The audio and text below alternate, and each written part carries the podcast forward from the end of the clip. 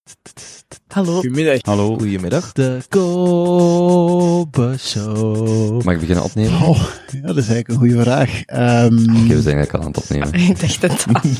De Kobe Show. De Kobe Show. 1, 2, 3, 4, zeg maar Herman. Dat ben ik. Maak fouten. Kijk om je heen. Kun jij deze eruit knippen? Blijf je verwonderen. Vind het talent in jezelf. Kobe Show. Woe. Oh ja, en luister naar de podcast van Kobe. Vandaag met uw gastheer, Kobe. Oké, we zijn aan het opnemen. Hallo. Goedemiddag, Pedro. Hey, Dank u wel om, eh, om tot hier te komen. graag gedaan. Ik heb er naar uitgekeken. Is het echt? Ja, Ik, ehm, ik volg u al een tijdje en je zit ehm, een van die mensen waar ik heel graag, waar ik eigenlijk gefragmenteerd dingen van weet. Als in, ik zie u hier en daar verschijnen, maar ik, het is, eh, en natuurlijk over ook de gezinssituatie, je hoort daar eh, vanuit de media veel, veel over, maar ik kijk er naar uit om een keer van, van, van misschien tot begin tot einde uw, uw verhalen proberen, proberen te brengen en te horen. Dus dank u wel om tot hier te komen. Ik vind het voor mezelf ook interessant om al die fragmentjes misschien ook eens op een rij te zien. Hm? Dus eh, we zijn allebei winnaars. Ja. Jij zei dat je zelf dagelijks, ik weet niet of je al op een, op een eh, podcast, ja jawel, die van Ben van Looy en andere, maar je zei dat je dagelijks of, of meerdere keren Ja. per week naar Mark Maron luistert. Wanneer is dat begonnen? Eh, dat heb ik dus via Bent leren kennen, maar ik denk tien jaar geleden of zo. Het is echt al heel lang. Mhm. Eh, en vaak is het ook meer een gewoonte dan een prettige luisterbeurt. Ik vind, ik vind ze niet allemaal even sterk, maar ja, het is een, het is een gewoonte, ja. Ik vind, eh, ik wandel heel veel. Ik loop ook vaak. En ehm, daar hoort Mark Maron bij. Ik ben trouwens aan het denken, oh, ik zou hem ook eens willen mail. eh, Dat is een van mijn ambities. Hij leest in het begin van zijn podcast ook eh, mails voor waar het altijd blijkt hoe goed hij is voor mensen en hoe hij hun leven heeft. Hij heeft geen gêne qua zelfpromotie of verheerlijking. En ik zoek een, een ingang om toch eens eh, te kunnen laten weten dat, dat ik vaak naar hem luister. En zoals die andere leden van de Mark Maron fanclub, ehm, is het ook in moeilijke tijden een soort ment houvast. Een Norse man die, ja, ik heb in mijn moeilijkste momenten heb ik daar ook heel vaak naar geluisterd. En heeft hij dan de, de rol dat er, dat dat gewoon een, ehm, een vast aspect van uw leven is, dat je weet dat er elke dinsdag en donderdag Ja. denk ik een aflevering is, dus niet, nog niet zozeer inhoudelijk de afleveringen zelf, maar de- het feit dat die er al tien jaar is. Ja, dat klopt. Hm. Ja, ik eh hou... Allee, het zal blijken uit dit gesprek, ik denk dat ik eh, twee eh, onverzoenbare dingen verzoen, en dat is een totale chaos in mijn hoofd en een, een denk ik, aangeboren...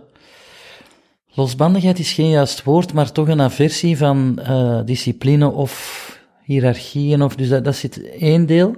En het andere deel is dat ik... eh, een zeer, eh, een enorm gewoonte dier ben.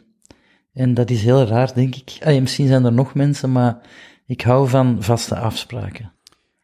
En, en welke, dus herkent u dan bij Mark Maron het feit dat hij zo gestructureerd al tien jaar aan een stuk om een vast schema publiceert? Is dat dan wat u die, die rust geeft? Eh, nee, het feit dat ik weet, dat vind ik leuk, dat is er. Ehm, en dat mag niet verdwijnen. Hmm. En eh, ik, ik, ik, je gaat me vaak terug naar de eh, essentie moeten brengen, maar eh, onlangs had ik Herman Brusselmans te gast in, in mijn show. En voor mij blijft dat nog altijd een jonge literaire god, die ik toen ik in Gent studeerde, eh, hij schreef vaak over de Caruso, dus de cafés waar hij zat. Dus ik ging die dan zoeken. Bleek natuurlijk dat dat niet de juiste naam was, maar alleszins een, een god van mij. En ik kan erover zeggen dat hij misschien zijn absolute talenten niet altijd uitpuurt. Allee, eh, de man die werk vond, Louis Tinner, dat personage, is voor mij eh Elschot waardig. Dus ik schat eh, Herman heel hoog in. In ieder geval, ik kom tot de, de essentie. Hij was de gast in het programma. Ik stuurde hem een mail eh, om hem te bedanken. En ik besloot de mail met eh, leef nog lang. En het, was verstuurd voor ik erover nadacht. En dacht, wat bezielt u om aan die man te zeggen dat hij nog lang moet leven? Maar dat is omdat ik gewend ben om zijn boeken te lezen. En Eh, ik denk dat dan, mocht hij verdwijnen, dat mij dat wel, los van dat ik hem dan, wij zijn geen vrienden of goede, allee, we hebben gewoon respect voor elkaar, maar Herman mag niet gaan. En, en zoveel mensen die ik belangrijk vind, moeten vooral blijven zitten. Hmm. Ja. Ik, ehm, ik zei net voor we begonnen op te nemen dat ik een jaar geleden beslist heb om dan dit voltijds te maken of ervoor te gaan. Dat was rond de periode dat Mark Maron zijn duizendste aflevering met zijn producer heeft opgenomen, zo Ja. twee uur, twee uur en een half. En hij vertelde daar over de laatste tien jaar, want ik kende hem van Barack, want ik volgde hem Ja. niet vast, maar Anthony Bourdain is er een jaar geleden geweest en Barack Obama en zo volgde ik hem een stukje. Anthony zijn boek ben ik net aan het lezen. Ook daar met die, met die, Confident, met de strepen in. ja, ik heb het, eh, ik heb het ook sinds twee weken hier liggen, denk ik. Ja, Die, goed, want ik denk dat hij het geherpubliceerd had. In, Ja. in ieder geval, ehm hij was met zijn producer aan het vertellen over die tien jaar en, en zijn evolutie. En hij noemde die podcast een, een audiodagboek. En toen ik daarover nadacht, want ik maak dit nu een jaar of vijf, je hoort effectief, als ik die oude afleveringen herbeluister, dan hoor ik waar was ik mee bezig, wat waren mijn angsten, hoe ben ik geëvolueerd ook als persoon. En toen hij dat, maar hij legde dat zo op die manier uit dat ik echt dacht, maar enkel al daarvoor is het waardevol, voor uzelf en ook voor gasten, Ja. dat je doorheen de tijd iets hebt waarin je ook jezelf, je omgeving, de omstandigheden ziet evolueren. Ja. Ik heb er ook naar gedacht, eh, naar hier fietsend. Het is geen verre fietstocht, maar eh, waarom doe ik dit? En eh, wat kan mogelijk blijvend zijn? En ik dacht, ik begon te fantaseren om mijn kinderen die deze aflevering misschien binnen twintig jaar ergens eh, zien staan. En, en eh, ja, het is toch een soort tijdsdocumentje. Hmm. Dus dat lijkt me wel leuk, dat mocht het niet verdwijnen. En dat zij het misschien, want nu zijn ze niet bezig met wat papa of mama doet. Hè. Ik zeg het ook soms tegen mensen die twijfelen om langs te komen, die zeggen, maar ik weet het niet. Ik zeg, kijk, ook al doen we een opname en je wilt dat het niet gepubliceerd wordt, dan heb je voor jezelf een audio-opname, voor later, voor je kinderen, van 1, 2, 3, 4 uur, whatever. En ik zou, ik denk daar dan zelf aan, hoe cool zou ik het vinden om een opname van mijn grootvader, of van mijn grootvaders of overgrootvaders, en in die context bestaat dat niet, maar dan denk ik, maar ik zou daar wel, ik zou daar heel graag eens naar luisteren, waar dat team mee bezig waren op dat moment, en het maakt eigenlijk, dan gaat het niet om, is het mundaan of is het buitengewoon, nee, het is gewoon, jij vertelt uw verhaal, en ik zou dat heel graag van heel veel mensen horen. Absoluut. Ja, en ehm, dus, maar, maar om op Mark Maron terug te komen, ik, ik neem aan dat dat de godfather van de podcast... Ik ken niet veel over podcasts, maar... Hè, want je hebt ook de Joe Rogan school dan. Eh, maar wat ik fijn vind aan hem zijn niet zozeer zijn tirades tegen Trump, omdat ik eh, dat, dat wel heb begrepen dat dat een boosaardig iemand is. Maar dus daar, dat, dat, dat aspect boeit me. Ik heb het meer over obscure comedians, of toch voor mij obscure comedians. eh, die gesprekken, die vind ik de leuk. In het begin was ik aangetrokken tot de grote titels. Maar nu vind ik zo de, de oude comedians die zo langskomen bij, die bij Mitzi in de comedy store, of waar was het? Waar, waar zat hij altijd? Ja, in de comedy store. Ehm, daar heb ik trouwens nog opgetreden. Oké, Ja, ja. Eh, dat is belachelijk om te zeggen, want ik ben geen comedian, maar ehm, in Londen, ja. Ik heb daar eh Philippe Geubels zijn show gebracht, vermomd als Philippe Geubels, om te zien of dat zou aanslaan. hm. Dus ik had dat helemaal van buiten geleerd. Philippe zijn, zijn show, en dan hebben ze mij een soort met kaalpruik en eh, de comedy store binnengeduwd op een zaterdagavond voor 400 waarschijnlijk zatte Zuid-Afrikanen en Britten. En eh, ik, dat is een van de ergste momenten uit mijn leven. Mhm. Maar eh, de mensen vonden Philippe wel grappig. Dat is belachelijk, hè? Ja. Wacht, in welke mate wist Philippe hiervan? Eh, eigenlijk was heel het punt dat hij wilde weten of, of het zou marcheren. Ah. En hij ging daar zelf niet als kanonnenvlees, dus moesten mindere goden zoals ik Hm. Dat in zijn plaats doen. Eh, maar ik vertel dit niet ter zelfpromotie, Hmm. maar het was een bruggetje van Mark Maron, de Comedy Store. Zijn er beelden van? Ja, Hm. ja zijn beeld, van heel die set. Ik denk eh eh, twaalf minuten. Ja, en ik weet nog dat ik in de backstage van die Comedy Store met drie andere Amerikaanse comedians zat. En wie zei jij? Vroeg ze. Ja, maar ja, ik ben niet echt een comedian. Ik kom... En ze zeiden, ze gaan u echt opvreten. Mm. Dat, dat was de... En dan ging die deur open en... Maar het viel echt wel mee. Ja. Misschien in het begin, ehm, een paar maanden geleden, toen ik begon op te nemen, vond ik de vraag niet leuk. Hoe gaat het met u? Eh, omdat ik schrik dat het altijd over corona zou gaan. Maar de laatste weken vraag ik hem wel heel graag om te weten hoe het effectief de laatste maanden met u gaat. Ja. Dus ook eh, eh, aan u, hoe is het ermee? Goed, en ik denk niet dat ik eh moedswings heb of zo. Want, allee, dus morgen kan ik misschien zeggen minder goed. Eh, dat is bij veel mensen, denk ik. Maar nu, op dit moment, voel ik mij heel goed, eh, wel moe. Maar ehm, ik ben voor het eerst, dus eh, ik denk dat ik al dus een jaar en vijf maanden en acht dagen weet dat mijn zoon kanker heeft. En het is pas sinds deze week dat ik echt begin te geloven dat hij het gaat halen. Hmm. Dat heeft zo lang geduurd bij mij. En dat maakt mij super blij natuurlijk, want ik heb andere bezigheden en daar kan je onzeker over worden. Nieuw programma, ben ik goed bezig, moet ik niet nog meer gaan schrijven? Allee, dus alle existentiële vragen dan. En dat herleid ik dan terug tot, maar gaat het goed met hem, met hem eindigen? En, en nu kan ik daar bijna volmondig ja op zeggen. Ik geloof het. En dat maakt mij super blij. Is dat, een, een, ehm, is het dan omdat het voor u, omdat het medisch al verklaard was, maar jij niet zeker waart? Of is het ook omdat het medisch verklaard is deze week? Nee, eerste optie. Wij, zijn eigenlijk eh, te weten gekomen dat hij leukemie had. Eh, de professor kwam de kamer binnen met mondmaskers. Dat ga ik nooit vergeten, want nu weet iedereen hoe iemand met een mondmasker eruit ziet. Eh, wat waanzin is, want het zou niet zo horen, maar er kwamen drie à vier dokters de kamer binnen. Wij hadden totaal niks door. Onze zoon was gewoon wat plattekes. Uh, en uh, ik zie die vier mondmaskers en die bewegen en van achter het stofdoekje kwam dan, uw zoon heeft kanker, um, maar het gaat goed komen. Dus dat is de twee, de ergste zin in de wereld die je tegen mij zou kunnen uit, uitspreken, gevolgd door de beste. Hmm. Dus dat was echt een soort kniestoot in onze, allee, echt in mijn balzak, heel hard, maar dan direct wel twee handen die mij terug uh, rechtop zetten. En uh, er is meteen gezegd dat hij een, een milde vorm van leukemie, maar wat is mild bij kanker?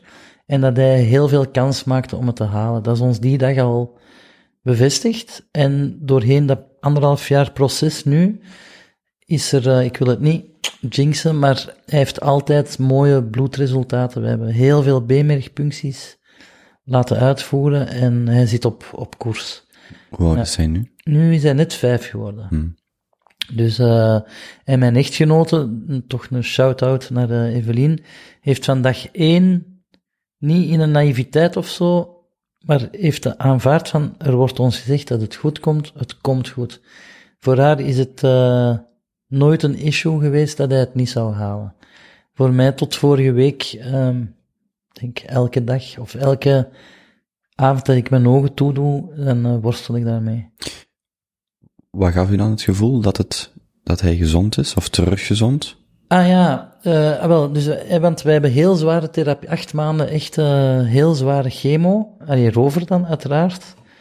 Maar dat is echt zwaar, omdat hij, of je nu mild of niet mild, je krijgt gewoon een, een raket aan chemo om, om die kankercellen te vernietigen. Dus hij heeft eigenlijk volgt hij hetzelfde parcours als de zware gevallen. Alleen dat die mensen, en daar leef ik heel hard mee mee, het parcours nog eens moeten doen. Hmm. Uh, in dat opzicht zijn wij geluksvogels. Um, en, uh, want ik heb wel een, een, Eigenlijk, de kinderkankerafdeling is de laatste afdeling dat je mij ooit zou aantreffen, omdat ik op dat gebied een enorme lafaard ben. Ik heb altijd mijn rug gedraaid voor ziektes. Ik heb ook zelf heel veel schrik dat ik ziek ben of ga worden. Ik ben daar altijd heel laf in geweest. Als uw kind het heeft, verandert het en zit je daar dag en nacht. Dus dat was eigenlijk een dubbele straf. Eén, uw zoon heeft kanker en twee, je moet hier nu op een afdeling met allemaal kale kindjes, Hmm. Uh, die het misschien niet halen of wel. En uh, al snel heb ik daar uh, de schoonheid van ingezien. En dat is ook op mijn netvlies gebrand. Je hebt kindjes die zo kwetsbaar zijn dat ze eigenlijk in een soort couveuse, die mogen niet echt, die ouders moeten kledij wisselen. Dat is omdat die van het minste kunnen ziek worden. En een van de eerste nachten zag ik zo'n papa zijn dochter wassen. En dat vond ik heel eh, hard beeld, maar heel mooi. Hoe wij als ouders echt eh, vechten, allemaal. Ik vind het, ja. Dus, dus eh, ik wil het niet relativeren en goed praten zelf, maar ik heb er heel veel geleerd over mezelf en over de wereld. En over wat belangrijk is. We hebben een neefje in de familie gehad, dat bleek dan vals alarm, maar een zeer snel groeiende kist of absces. Ja. Ook tien dagen op kinderoncologie in Ja. Leuven ja. gelegen. Zeven of tien dagen. En ik herinner mij dat, dat ik daar binnenkwam. Ik ben relatief emotioneel, maar op dat moment, alleen ik kan, dat- ik kan dat goed bedwingen, maar op dat moment die, dat was die dualiteit van aan de ene kant ziet je die kinderen en je krijgt gewoon in mijn geval tranen in je ogen en ik vond dat een verschrikkelijke afdeling. Aan de andere kant dacht ik, moest ik ergens een stage doen als een Ja, zorgverstrekker ja. is dat wel een, ook een, tegelijkertijd een zeer mooie afdeling, omdat dat over de kern, oh, zoals ik, en ik wil niet mijn, Nee, nee, nee, nee, nee. want ik ben er maar drie keer geweest, denk ik, maar dat was wel dat contrast tussen aan de ene kant eh, misschien de absurditeit, en daarmee bedoel ik de diepe droefheid van de situatie, maar ook de essentie van, ehm van wat er dan nog overschiet, is wel heel puur, of wat, wat je daar aantreft. En dat is mij, dat is mij altijd bij, ik krijg dan altijd kippenvel van, Ja, ja, dat is hoe dat, dat ongelooflijk. je bijblijft, zo'n kinderoncologieafdeling, ik vond dat, Dat is heel, eh, ja, en eh, als ik mensen zich druk zie maken over, dan denk ik altijd, kom eens een dag mee met ons. Maar niet vanuit een zelfmedelijden van, arm ons gezinnetje, hè, maar, en ook vooral de schoonheid, ik vind dat, het is een open deur, maar het verplegend personeel, de, de, de, ik weet, toen we het pas wisten, heb ik daar drie nachten geslapen, ik kon daar niet weg. Eh, en ik lag echt s'nachts op de, op de badkamervloer te huilen. Als een hoopje ellende. En die, die, kom meneer, kom, dat komt goed, kom. Allee, en, chapeau voor die mensen. Eh, en kijk, ook toch belangrijk om te zeggen, nu de held in het verhaal is Rover uiteraard, maar ik vind ook, zowel mijn vrouw als ik als alle andere ouders, de veerkracht van een mens is bewonderenswaardig. Ik dacht dat ik nooit zo veerkrachtig zou kunnen zijn, maar je doet er alles aan om, om daardoor te komen. En dat vind ik ook. dus ik heb er wel, ehm, ik ben zelfzekerder geworden, eigenlijk. Als mens dan, hè? Hm. Hoe gaan de andere kinderen ermee om? Eh, onze andere in, in ons gezin. Mhm. Heel mooi. Eh, mijn oudste zoon is, is eh, het is zijn eigen schuld niet, maar die zit in de puberteit. Eh, overvalt de meeste. En die is heel, die woont een week bij ons en een week bij zijn mama.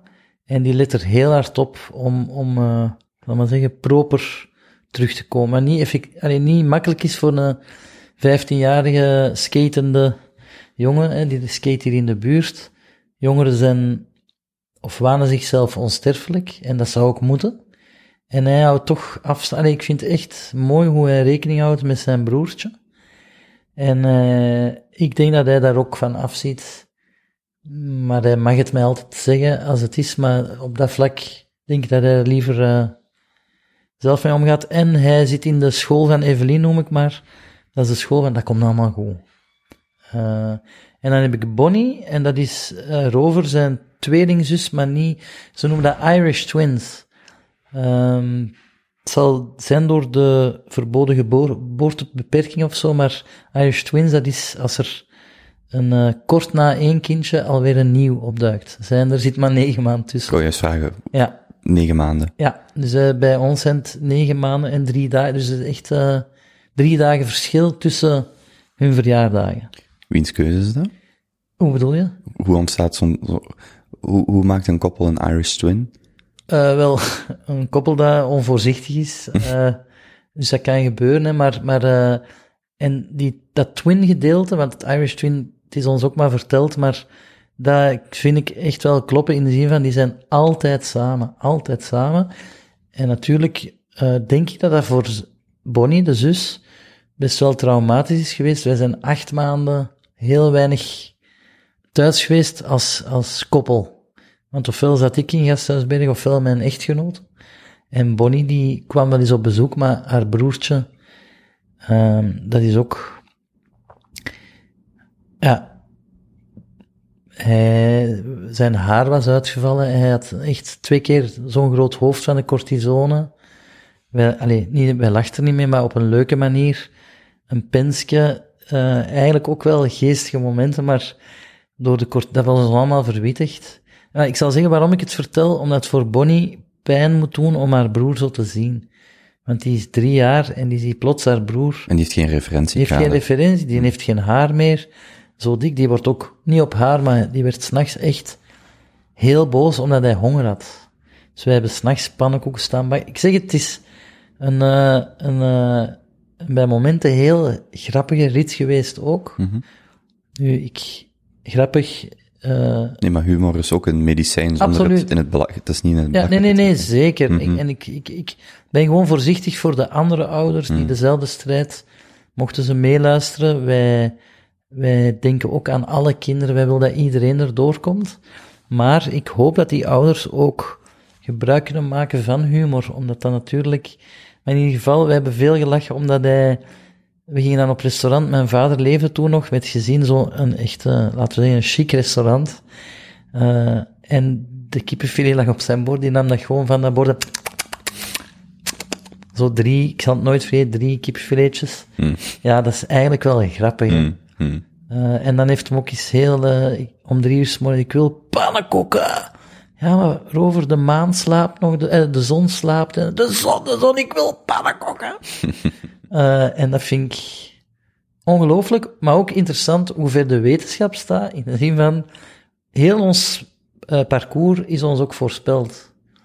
Dus ja, dan gaat ze hem zo reageren, op deze medicatie zo. Ehm, maar Gasthuisberg is echt wel... Allee, ik denk dat we blij mogen zijn dat we in, in België wonen. Allee, een, eh, een eh, vriendin die, die eh, in de familie ook in Turkije een kindje met leukemie, maar daar... Natuurlijk kent Turkije niet heel goed, maar die vertelde dat daar ook wel lange wachtlijsten en dat je je toch voorbij bepaalde obstakels moet murwen om, om die therapie te kunnen volgen. Hè? Dat zal nu niet in de grote steden zijn, ik denk meer platteland of zo, maar wij, wij zijn bevoorrecht. Hè? We hebben een, ik had ook, en mijn vrouw lachte soms met mij, maar ik ben oververzekerd.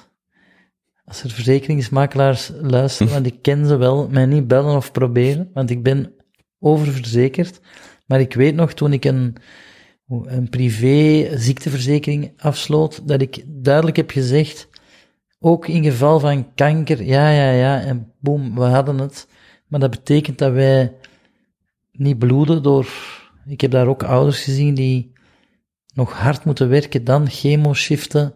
Op dat vlak zijn wij weer al gelukzakken. De overheid steunt ons. We hebben een gehandicapte kaart gekregen. Nee, we hebben... En daarom, nu maak ik een bruggetje naar zure mensen over dit land, waarin uiteraard veel dingen beter kunnen. Hè? Maar het is een paradijs voor als het slecht gaat. Dat kan ik wel zeggen. Vanuit ons standpunt, hè, uiteraard. Eh, ja, dus wij zijn niet verzuurd, in tegendeel. Ik vraag me af wat omgekeerd is van verzuren. Verzoeten, is dat, zou dat dat zijn?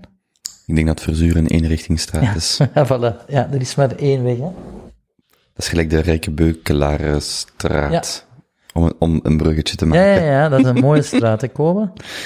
Maar ook geen richtings, als ik het mij goed herinner. Ja, maar ik zou zelfs zeggen een geen richtingsstraat, Hmm. omdat er paaltjes staan. En, en de bewoners hebben een soort enclave, hè. Dat is echt... eh, een, in de zomer zit ze een grote lange tafel op straat. En dat is mooi om te zien. Er hangen ook bordjes van gezet, welkom om hier te zitten, nemen wij je eh, Ja. afval mee. Wat, wat kan een bewoner van, wat zou een bewoner van die straat vertellen over die straat? Voor mensen die, die niks weten van Sint-Andries of, eh, Ik vind Sint-Andries een van de mooiste wijken van de stad.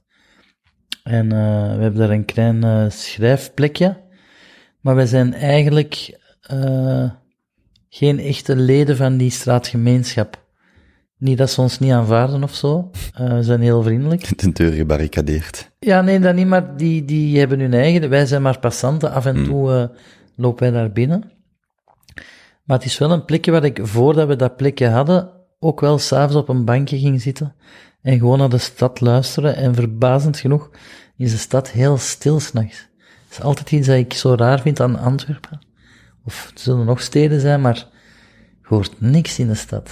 En jij wel, de gevangenen, hè? Eh, de gevangenen af en toe. Maar als ik ehm, op de IJzeren Waag woonde, viel het mij ook op hoe stil het daar was. Want dat is eigenlijk een vogelvlucht. 300 meter van de kathedraal, 200, ik weet het niet. Ehm, en het was daar super stil, behalve misschien op donderdag en zaterdag als de studenten uitgingen. Maar behalve die week vind ik het hier super Het is rustig. heel kalm, hè? Ja. En ik deel die, ik woon hier nog maar drie jaar, maar ik eh, ben zeer bewust ook nu in Sint-Andries komen wonen. Ik vind dat Toekoer de mooiste, Ik vind het ook. als je zeker ook graag in het centrum zit, want dat is, Ja, ja, tuurlijk. ik ken ook veel mensen die er buiten gaan wonen voor de bereikbaarheid of voor het verkeer. Maar Toekoer vind ik Sint-Andries de mooiste, als buitenstaander de mooiste, het mooiste stadsdeel van, eh, Ja. van Antwerpen. Ik ook. Ja, absoluut. Dus die, die, ehm, is het dan een studio? Ja, Eh, dat is grappig hoe mijn vrouw en ik soms eh, over semantiek, wij, wij, allee, niet dat wij veel ruziën of zo, maar wij zijn allebei, hechten heel veel aan de waarde van het woord. Ik heb dat ooit gekocht als eenkamer appartement.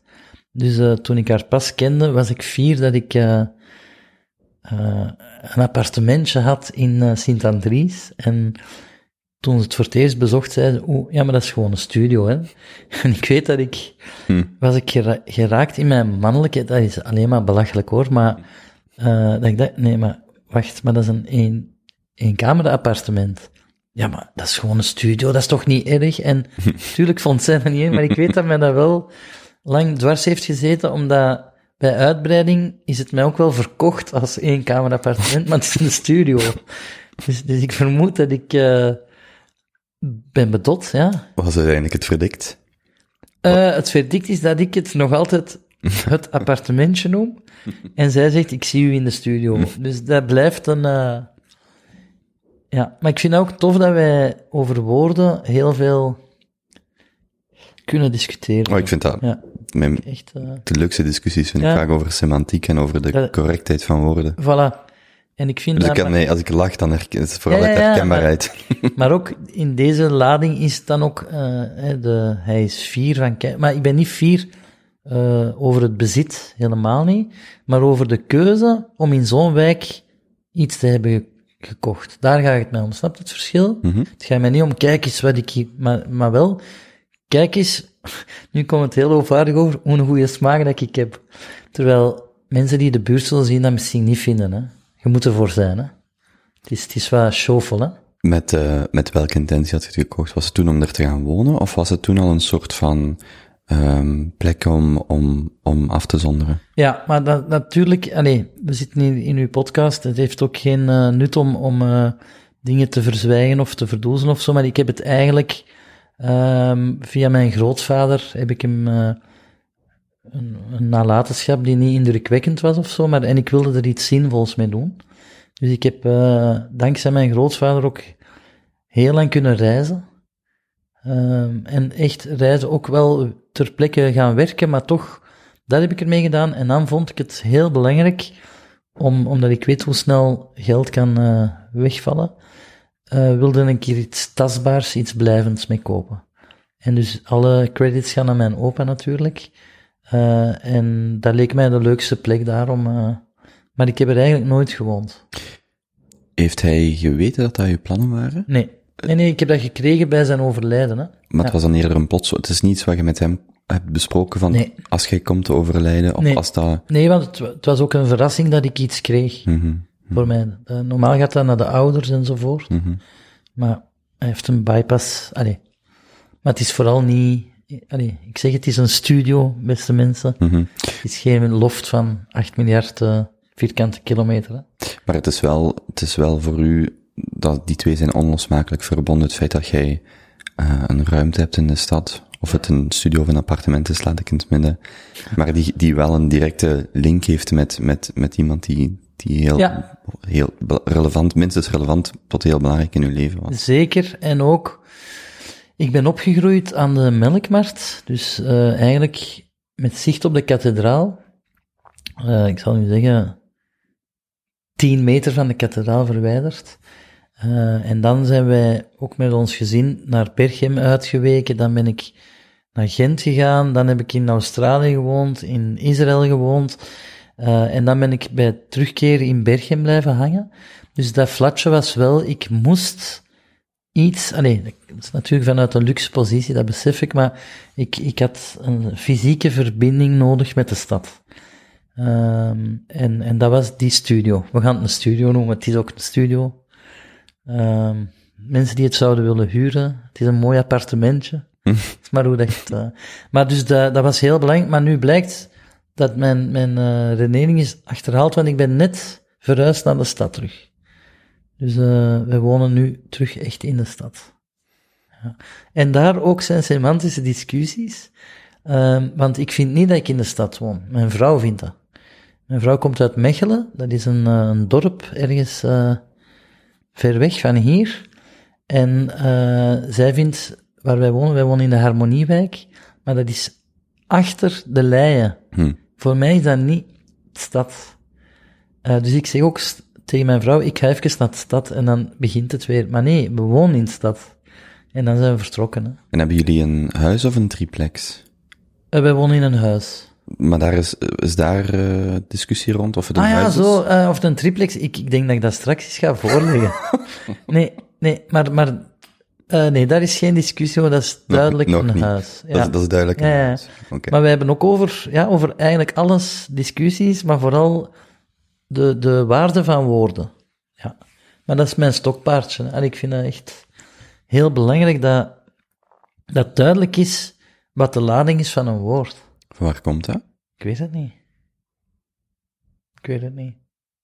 En bij haar ook, hè. Dus, ofwel denk ik, nu dat ik toch bij u op de zetel lig, ehm, dat is onze manier om, misschien om ruzie te maken, of om terrein af te bakenen, of misschien willen wij wel, is onze frustratie over rover, of onze pijn daar rond, gaan wij in die discussies, snap je? Misschien doen we het op die manier. Ja, maar de waarde die jij aan woorden attribueert of hecht, neem ik aan, is eh, ouder dan uw relatie met haar. Dat is toch iets Ja. wat van ervoor al... Ja, ik heb van heel jonge leeftijd, ik heb, ik heb heel veel eh, straf moeten schrijven. Op, ik zat op de Jesuiten, het Ons Lieve Vrouw College, een school aan het Stadspark, ben ik mijn carrière begonnen.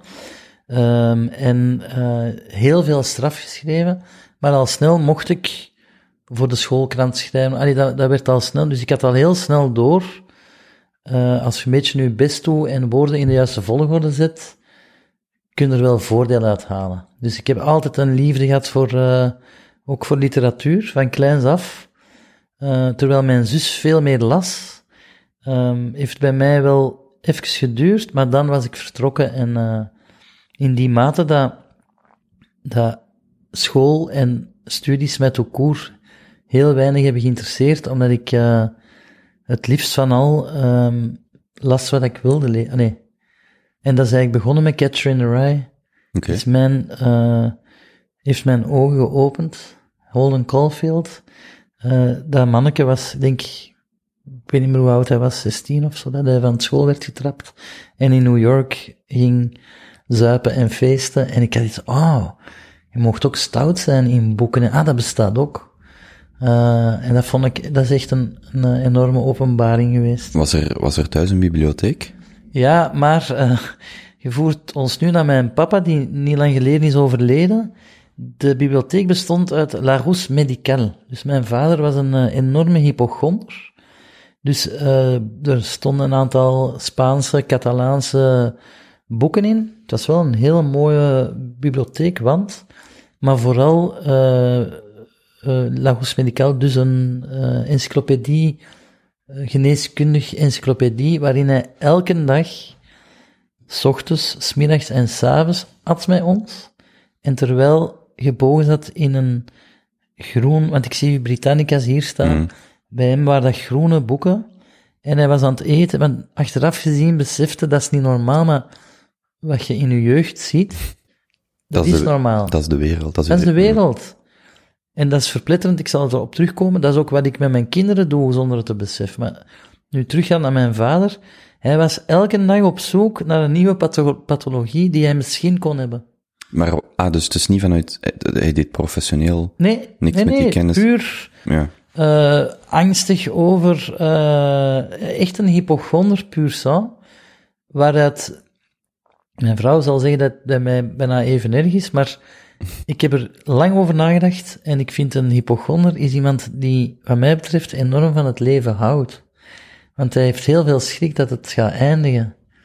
Dus, dus ik zie daar ook van mijn vader uit schoonheid in, van, eh, ik denk dat hij gewoon lang wilde blijven hangen. En, eh, maar natuurlijk is dat een verstoord beeld. Hè? Als uw vader altijd zoekt naar... En hij had ook elke dag iets. Elke dag. Je bedoelt, hij ontdekte elke dag een nieuwe pathologie? Ja. Of, of hij Ja, ja, zelf? Nee, of hij dacht, nu is dit een... Ik weet niet hoeveel bloedonderzoeken hij heeft, eh, maar... En dat is, dat is... Mijn vader was echt een zeer eh, geestig iemand. Hij zei altijd, ja, maar ik leef nog. En, hij- en hij hij heeft een punt natuurlijk. Allee, het had zonder al die stress ook kunnen. Maar hij vond vooral dat je op je kivief moest zijn. Je moest alert blijven voor symptomen en dergelijke. En hij is toch 82 geworden. Hm. Is nu niet super oud, maar ja, maar hij had ook, dan had hij plots elke dag drie teentjes look. Eh, en moesten wij natuurlijk die geur ondergaan. Eh, ah, ik zeg het, eh, hoeveel prepar, ja. Het was een man die heel veel eh, aandacht opeiste, maar dat ook, daar is geen boosheid rond of zo, maar het is een, eh, een figuur die ik heel hard mis en eh, ik heb hem onlangs, eh, ben ik naar Zwitserland gereden met mijn oudste zoon, dat is een skater, en we zijn in de bergen gaan skaten. Je hebt in Laaks, niet ver van Zurich, heb je een skatepark bovenop de bergtop. Dus de skiers gaan naar boven, maar dan kan je ook gaan, dat is ongelooflijk mooi. Ik had een vriend, had me erover verteld, ik zeg, kom Matteo, we doen het gewoon. We zijn met ons busje, we hebben zo'n eh, kampeerbusje, naar daar gereden en eh, we reden door een dorp Sergemin. En dat is bekend, voor mijn vader had een collectie vazen. En in Sergemin is een typische techniek waarin ze in de oven zo branden dat je van die lijnen hebt. En hij heeft daar heel veel over verteld, want naast eh, interesse in, in eh, geneeskunde en ziektes was hij enorm zot van antiek en dergelijke. Dus ik reed door Sergemin en ik dacht, ah, maar voilà. Eh, het was nacht. En ik dacht, hier heeft mijn vader zoveel over gepraat, ik rijd er nu door. En eh, we zaten op een snelweg die onverlicht was, dus het was echt pikkendonker. En ik heb vijf minuten lang met mijn vier pinkers opgereden, door de nacht, omdat ik hem wilde groeten. Waar dat hem ook zou zitten, dacht ik, kom, ik stoor niemand, ik zet mijn pinkers op. Ik vond ook mooi dat weer kaatste dat licht. En ik kon dat wel van bovenuit bekijken, zo. ik vond het een mooi beeld. En dat was het dan. En dan in de terugrit ehm, moest ik niet via Sergemin. Eh, het was dag. En plots haperde mijn GPS. Eh, die stuurde mij naar Metz. Ik moest naar Nancy. Of was het omgekeerd? Ik weet het niet meer. In ieder geval, ik weet dat ik eh, eraf moest van mijn GPS. En ik ging in gesprek van, jij gaat niet zeggen wat ik moet doen. Eh, mijn zoon sliep. En een gesprekje met de GPS die alleen maar bleef zeggen, eraf, eraf. En dan dacht ik, op het laatste, nee, toch, ik ga eraf. En een kilometer later reed ik door Sergemin. En op een brugpijler stond in gigantische letters, J'existe. En wauw, ik dacht, allee, ik geloof niet dat mijn papa nog een bewustzijn heeft. Ik geloof niet dat hij naar beneden is gekomen om graffiti te spuiten. Maar ik vond het wel waanzinnig kloppen en mooi. En ik heb er heel veel aan gehad. Eh, ja, vond ik, eh J'existe, ja. Mist jij hem? Ja, ja, ja, en ik weet niet hoe het bij u is en bij alle andere gasten, maar ik heb, ik denk ook door onze opvoeding, maar heel veel last van schuldgevoel. Dat kan over alles gaan. En nu zit ik met schuldgevoel dat ik niet ongelukkig genoeg ben. Rond zijn dood. Wat dat hij niet heeft gewild. Ja, ik wou net vragen, zou hij dat Ja. delen? Nee, hij heeft mij honderd keer gezegd, als ik er niet meer ben, heb ik geen bewustzijn meer. Treur niet om mij, amuseer u, denk nog terug aan mij, maar ik voel het niet. Hij heeft het duizend keer gezegd en ik weet dat hij het niet voelt. Ik geloof dat. Maar eh, ik denk dat de cumul kinderkanker, vader die sterft in één jaar. Dus wat denk ik over, dat is dat ik dat verdriet aan het uitstellen ben. Dat ik eerst mijn zoon op het droge wil. En als die er het heeft gehaald, mag het, dan denk ik wel dat ik ga imploderen, sowieso. En dan wil ik met het verdriet van mijn papa aan de slag. Maar nu, ik kan niet alles tegelijk, hè. Eh, maar de vraag is, kunt je je pijn zelf dirigeren? Ik denk dat niet, hè. Ja, en wat zou uw psycholoog daarvan van zeggen, als je het zo vertelt? Ik zou nog eens moeten teruggaan. Ik ben heel lang naar psychologen gegaan. Ehm, en eh, dat is zo wat uit mijn leven verdwenen, maar misschien moet, ik moet ik daar echt eens werk van maken. Hmm. Ja. Niet genoeg verdriet. Hij, hij zit in mijn auto. Zijn doodsprintje hangt op mijn zonneklep. Dus ik, ik ben een man van gewoon en ik doe altijd hetzelfde. Dus als ik nu rijd, de zonneklep op, tik ik zijn gezicht aan. Of toch de periferie van zijn gezicht, van ik denk dat het dan afslijt. eh, Dat fotootje, hè. Eh, en, dus ik denk wel heel veel aan hem. En ik heb het nu niet aan, maar ik heb onlangs, dus ik heb een, eh, mooi uurwerk van hem geërfd. En mijn mama gaf het, en ik wilde er eigenlijk niet veel, dus ik had het weggelegd. En nu sinds vorige week heb ik het durven aandoen. Ja. Dus ik denk veel aan hem, hè. Maar ik voel zo niet constant de behoefte om daarvoor te wenen. Dus erg, hè? Uw mama leeft nog. Ja, mijn mama leeft nog, ja. Ik heb ze daarnet nog gezien. Hoe, hoe gaan jullie, hoe delen jullie dat verdriet? Heeft, Eh. zij, heeft zij er, ehm is zij de, de tegen, eerder tegenovergestelde van u? Of, ja. Mijn mama is een zeer eh, heel fijne, lieve mama dat ik heb, maar die is, eh allee, niet geen maar. Mijn vader was een eh, beetje anarchistische figuur, die totaal niet hield van eh, autoriteit, totaal niet. Mijn mama is veel allee, braver in zin dit is gewoon een normaal iemand, ik zal het zo zeggen. En eh en zij draagt dat verlies heel stijlvol, vind ik. Want mijn mama heeft, zo, hoe vaak dat mijn papa ook zei, ik heb van alles, hoe weinig ik mijn mama heb horen zeuren in haar leven. En zij heeft, zijn toch wel, het was een heel mooi koppel ook. Ik ben heel slecht in getallen, maar laten we zeggen 50 jaar samen of 60 jaar samen, altijd samen. En plots valt uw man weg en zij heeft nog nooit geklaagd. Maar ze is, het is een WhatsApp-oma. Mijn zus woont in Tel Aviv, heeft drie kindjes. Mijn mama WhatsAppt en video, eh allee, zo facetimed dagelijks met die drie kinderen. En met mijn zus. Dan met mij en mijn kinderen. Dus die heeft een dagtaak aan. Dus is niet alleen, hè. Maar het was wel corona. Wij, hebben haar niet kunnen bezoeken. En mijn papa was net overleden. Dus we hebben, we hebben net de coronamiserie rond overlijdens en begrafenissen gemist. We hebben mijn papa wel naar Spanje gevlogen, hè, zijn assen. Die zijn we in de Pyreneeën gaan bijzetten in het familiegraf. Hij is in november, Zie, zelfs dat is mij nu, eh, ik denk okto kijk, oktober. eind oktober. Ja, maar eind, vo- eind, vorig jaar. Ja, toch? ja, ja, ja. Dan hebben we hem een begrafenis gegeven in Antwerpen, voor alle vrienden en familie.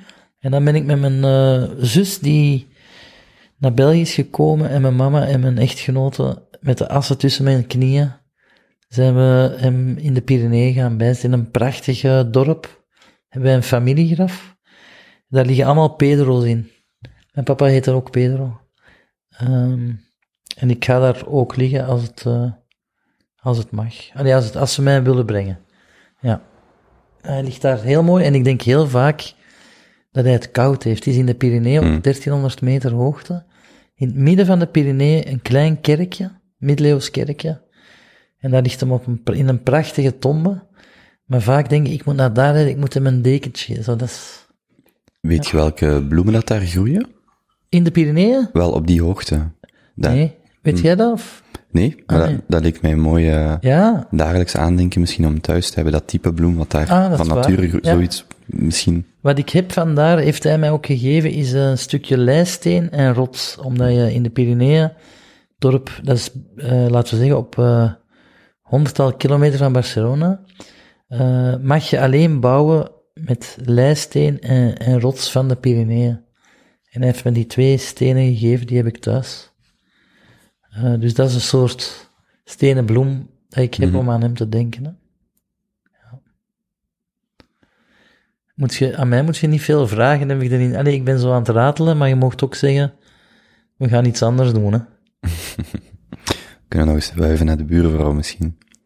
Ja, dat viel mij op dat uw buurvrouw niet beseft dat er gordijnen bestaan, Hm. waarachter ze zich kan verschuilen.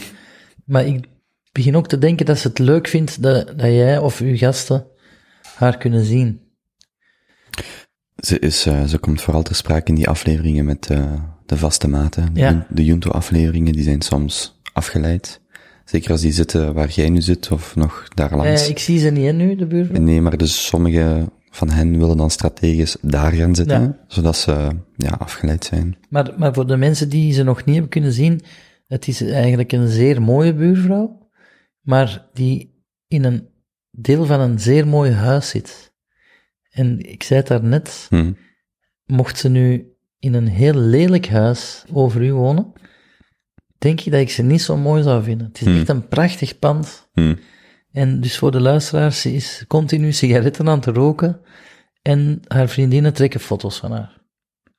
Maar mocht ze dit nu wel horen, ze is natuurlijk mooi. Hè? We Het is willen een- haar niet schofferen. Nee, het is een eh, prachtige gevel ook. Dus, Ja. en, en ze weet bij deze dat er een eh, podcast hier gemaakt wordt, want jij werd zo vriendelijk ehm, om het te roepen. Ja, dat heb ik nog nooit gedaan. Dat is over de Nationaalstraat Hm. Iets roepen. Maar ik wilde wel een spandoek maken, maar ik weet uw lakens niet liggen of alcoholstiften. Dus ik heb het daar effectief eh, gemeld. En er kwam iets terug als, joh, maar die zat ook met video. Er zat niet zo'n diep stem, maar, eh, en dan heb ik teruggeroepen dat het audio is en ik denk dat zij iets heeft van, het zal allemaal wel. Hm, ja, dan hebben we het raam dicht gedaan en we zijn, zijn we beginnen opnemen. Ja. Ehm, ik ben even aan het denken. Als ik, als je misschien in het buitenland bent en iemand vraagt u wat jij doet of wie jij bent, wat, hoe vat jij jezelf samen? Eh, dat is een goede vraag. Het eerste dat ik aan denk is redacteur, want daar ben ik het langst geweest, eh, bij Woestijnvis. Ehm, en nu, allee, ik denk nu zou ik eerder zeggen eh, redacteur, schrijver, scenarist. Maar zo tv ehm, zeg ik niet, omdat wij in zo'n klein landje wonen. Allee, doe het heel graag, hè, maar is niemand onder de indruk in het buitenland van, van wat ik hier doe of zo. Dus ja, iets met, iets met schrijven en televisie. Ja. Wacht, ik ga daar direct op terugkomen, Ja. want ik herinner mij, ik bedenk me net, ik kon je nog vragen, gegeven de situatie eh familiaal, zowel van Rover als van uw papa. Hoe, hoe heet uw papa trouwens? Pedro. Pe- ah ja, ja, Ja, juist. ja. Dus zowel van uw vader als van Rover en de impact op de familie. Zijn dan de laatste maanden voor u eerder een vlucht in uw werk, of een vlucht van uw werk, of daar een onzekerheid, of een, of een onrust in, een onrust in uw, in uw hoofd? Hoe zijn die, die, want dit is nu maand zes, denk ik. Ja. Hoe is die impact geweest in de context van alles wat er daar, daar rondhangt bij u? Dat is een heel goede vraag. Ehm, als ik ze goed begrijp, dus je peilt naar de impact van de gebeurtenissen op mijn werk. Ja, de- Ja. of de, de, de rol van werk, toekoer, in, in heel die situatie, of werk. Dat, bijvoorbeeld, Ja. net zeg je, die semantische discussies zijn misschien een afleiding van een onderliggende realiteit. En hetzelfde daar met dat werk, in welke mate dat dat voor u misschien een vlucht erin of een vlucht Mhm. eruit was. Gelukkig was ik al zeer gulzig op werkgebied, dat ik niet het gevoel heb dat ik het verdriet, pardon, of het eh, leed, of ook het praktische opvolgen van iemand dat ziek is in uw gezin, heb geparkeerd en mij in mijn op mijn werk heb gestort, want ik stort mij al heel mijn leven op mijn werk, als een bezetene. Ehm, en ik heb het geluk dat wij een zeer, eh, zeer sociaal voelende werkgever, eh, ik ben nu niet de man die graag reclame maakt voor de, het eigen nest of zo, maar ik werk nu al 15 jaar bij Woestijnvis. Die zijn daar zeer goed mee omgegaan. Uh, want dat is niet e- evident als iemand van, van, ik noem ons soms zelf een secte, maar die dat meemaakt. En die zijn heel menselijk geweest naar mijn vrouw toe, die daar ook werkt, en naar mij toe. Uh, dus eigenlijk hebben die ons gezegd, doe rustig aan, en alles zal hier blijven liggen tot jullie terugkomen. En, want we, Evelien en ik, wij zijn een fictiereeks aan het schrijven, uh, voor Woestijnvis, met Woestijnvis zal ik maar zeggen. Um, en die hebben ons echt alle ruimte gegeven om te zeggen, duw de pauzeknop maar in en uw verworvenheden gaan niet weg. Want je zou kunnen denken, oei, onze reeks gaat misschien niet doorgaan, of ik was tv-programma's aan het maken, en die hebben, en dat vind ik, zal ik altijd, en dat ga ik niet snel vergeten. Um, maar, dit gezegd zijnde, hebben ze ons moeten tegenhouden om niet te veel te... Wij, wij zijn als gekken blijven werken. Uh, we hebben in, uh, in, in de kliniek ook, in Gasthuisberg, verder geschreven aan onze reeks, die gek genoeg ook over een van de personages heeft kanker. Dat we bedacht voor Rover het had. Ik weet nog hoe slecht dat we ons daar nadien over voelden. We, toen we het schreven, dachten we, oké, okay, de, de intriges ga ik nog niet meegeven, maar een personage met kanker, welke kanker zouden we nemen? Alsof dat een menu is dat je uit kan kiezen. En achteraf, achteraf voelden we ons schuldig van, we hebben, we hebben iets gekozen, maar nu zitten we er zelf mee. Hmm. Maar we zijn wel uh, in de kliniek blijven schrijven. Uh, ik moest nog vier opnames, denk ik, doen. Of nee, drie opnames van Control Pedro, een programma dat ik maakte, met de wetenschap dat mijn zoon uh, zwaar ziek was. Ze hebben ook gezegd, je moet dat niet meer doen. Ook hoeveel geld dat erachter schuilt van investeringen die zij doen. Want het is niet alleen voor plezier dat we dat doen. Zij investeren in mij, in het programma. En ze hebben ook gezegd, laat maar. En ik stond erop om het te doen. Dus ik, ik, ik heb drie opnames gedaan. Uh, alle panelleden, uh, meestal zijn dat vrienden of kennissen, waren op de hoogte, zijn heel lief geweest. Maar ik heb mij echt naar die opnames gesleept met al stoppen, overgeven van verdriet, dingen wenen, dan geschminkt worden, lichten aan, je doet die opname, lichten uit, wenen, kotsen, naar huis. Dat heb ik drie keer gedaan en ik vond uh, dat heel belangrijk aan mijn team. Een tv wordt gemaakt door een redactie, dat weten heel weinig mee. Allee, ik vind dat redacteurs, ik ben het heel lang zelf geweest. Ik krijg heel weinig credits, hè. Hmm. En uh, die mensen zijn daar dag en nacht mee bezig en ik vond niet dat ik Terwijl ik een goede reden had, ik had echt wel een doktersbriefje verdiend. Hè. Maar uh, dat ben ik blijven doen. En dan, uh, nu heb ik dit jaar twee programma's Normaal is het eentje of zo.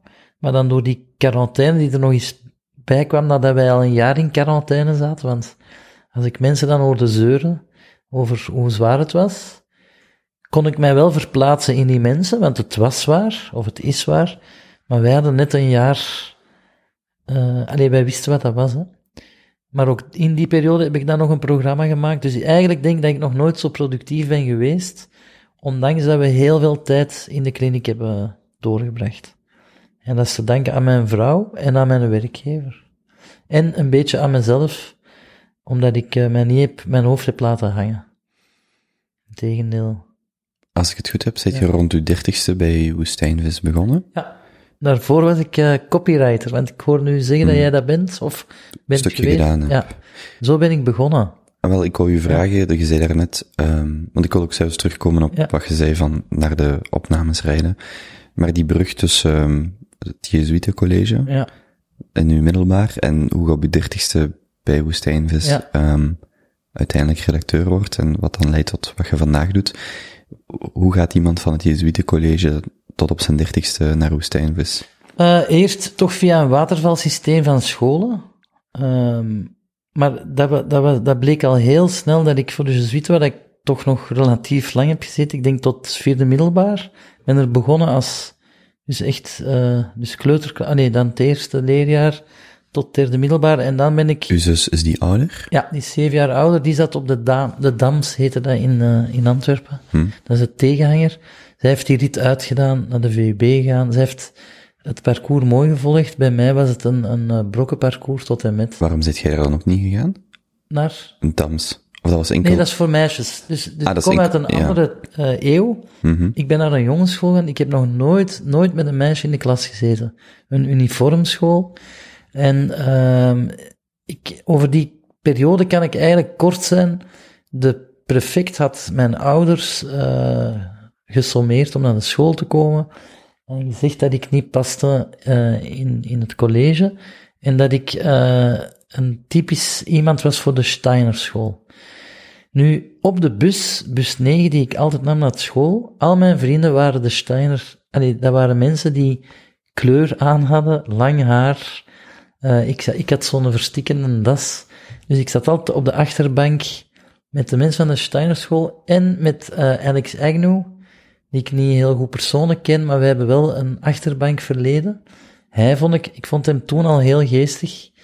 Eh, de gangmaker op de achterbank van Hmm. bus 9, dat was Alex. En dan, ik ging er zo wat rond en dan allemaal Steiner eh, studenten. Ook eh, meisjes tussen die, waar, ik, waar ik dan verliefd op was. Maar mijn vader, die had wel het college gedaan in Barcelona, de, de Jesuiten daar, vond dat een belediging. Wat het totaal niet is, hè, vooral duidelijkheid. Maar hij dacht dat dat een circusschool was, of zo. hij begreep dat niet. En ik kan hem dat niet kwalijk nemen. Komt uit een andere tijd. En eh, daar was, allee, daar is het college voor mij opgehouden, maar ik mocht wel niet naar de Steinerschool, blijkbaar. En ik vind dat wel jammer dat ik dat niet heb doorgebeten dat ik dat echt wilde. En eh, dat is zo ver gegaan dat ik mijn kinderen kost wat kost naar de Steinerschool wilde sturen. Eh, totdat ik later begreep dat, ehm, dat je naar het kind moet kijken. En dat vind ik qua onderwijs, ik heb een nicht die hoog geplaatst is in, denk de Universiteit van Leuven, of allee, een eh, leidinggevende functie, die mij nadien ook is komen vragen of ik met hen eens wilde praten over alternatieve studierichtingen, omdat ik in de familie niet een zwart schaap was, allee, de Vlaamse tak, maar alleszins een, een onlogisch parcours volgde. En, en ik vind, dat heeft niet alleen met mij te, allee, met mijn onwil om het niet goed te of zo. Dat heeft te maken dat er te weinig naar het kind wordt, allee, vind ik, hè. Ik was goed in heel veel dingen en heel slecht in andere dingen en niet goed in een mainstream pakket. Ik heb mijn school wel afgemaakt en zo, daar niet van. Maar het is vooral een periode met heel veel buikpijn. Heel veel. Elke dag ging ik met buikpijn naar school, ook omdat ik, ik kan niet, ik zit nu stil, want ik ben wat ouder geworden, Hm. maar ik kon niet stilzitten op de schoolbanken. Ik heb ook een jaar een bank in de gang gehad. Dat zo erg was, hè. In het Jezuïetencollege. Nee, dat was daarna. Eh, ehm, had ik een, eh, het was eigenlijk een, allee, een totale, ra- ik had geen boeken, dat, dat lag gewoon in de kast in de klas. Het is eigenlijk zot. Ehm, ja, slechte periode, maar ik wist wel, en dat is nu gemakkelijk gezegd, maar ik wist, zeg maar, ik ga iets doen met schrijven, ik ga iets doen met schrijven, en eh, hoe, dat weet ik niet, maar ik wist wel, Ehm, ik wist dat het goed ging komen. Dat, dat is iets dat ik, eh, ik ben niet de meest zelfzekere man die denkt dat hem alles goed kan, helemaal niet. Gewoon gezonde dosis vertrouwen wel. Maar, maar ik, ik voelde wel van, het gaat goed komen en doe maar, en vroeg of laat. En, en dus, omdat jij ook copywriter bent, eh, via via kon ik stage doen bij Duval Guillaume, een bureau dat, ik weet niet of het nog bestaat, maar een goed bureau. Hm. En ben daar op stage gegaan en ik was vertrokken. Als je zegt, ik wist dat het goed zou komen, Ja. wat betekende dat dan voor u? Hoe zag dat eruit als 17, 18-jarige? Ja. Gewoon, eh, ik heb mijn, mijn hoop op, in, in mijn leven was dat ik mijn goesting kon doen. Hm. Eh, maar wel productief zijn en iets betekenen. Het, het is niet dat ik een leegloper ben die dat, maar ik, ik wil het, ik, ik, ik, ik heb het geluk gehad dat ik nog nooit iets tegen mijn goesting heb moeten doen. Eh, qua werk of zo. omdat ik van de ene speeltuin in de andere ben gerold. Dus ik ben een enorme geluksvogel, maar zowel in de reclamewereld, eh, toch op een zeker niveau. Allee, ik, wilde meespelen met de, met de andere landen ook in de, op de festivals en zo. Ehm, ik, bijvoorbeeld, ik wilde een leeuw winnen, dat was echt essentieel. En eh, in mijn eerste jaar was al raak bij DDB. En, eh, het eerste jaar dat Ja, ik Misschien, misschien even uitleggen wat die leeuw is. Ah ja, sorry. Voor, ja, mensen die niet, in de sector Ik zitten. ging net uitleggen dat het niks want, voorstelt. want een leeuw winnen, dat klinkt, Ja. als je niet weet wat, wat je ah ja, voilà, goed dat je het zegt. Eh, laten we zeggen dat de reclamewereld een, een eh, interessante biotoop is, maar ook zeer masturbatoire. Die geven elkaar heel veel prijzen. Hm. Eh, sommige prijzen betekenen iets, sommige al minder. En de periode waar ik in de reclame zat, in, in, bij DDB, eh, LGNF, dat is nu famous geworden, denk ik. En zo die bureaus, die gingen heel hard voor prijzen. En die prijzen, de mooiste dat je kan winnen, is een leeuw op het eh, festival van Cannes. eh, waar dat je met 98 andere landen ook voor prijzen gaat. En, dus dat betekent echt wel iets, vind ik. Eh, maar ik besef, wij waren alleen maar over die hele tijd die leeuw, maar ik vind dat reclame eerder zou moeten gaan om de producten. En, en ik denk dat wij, wij deden wel ook campagnes die effectief in de straten hingen. Voor Volkswagen heb ik veel eh, gemaakt.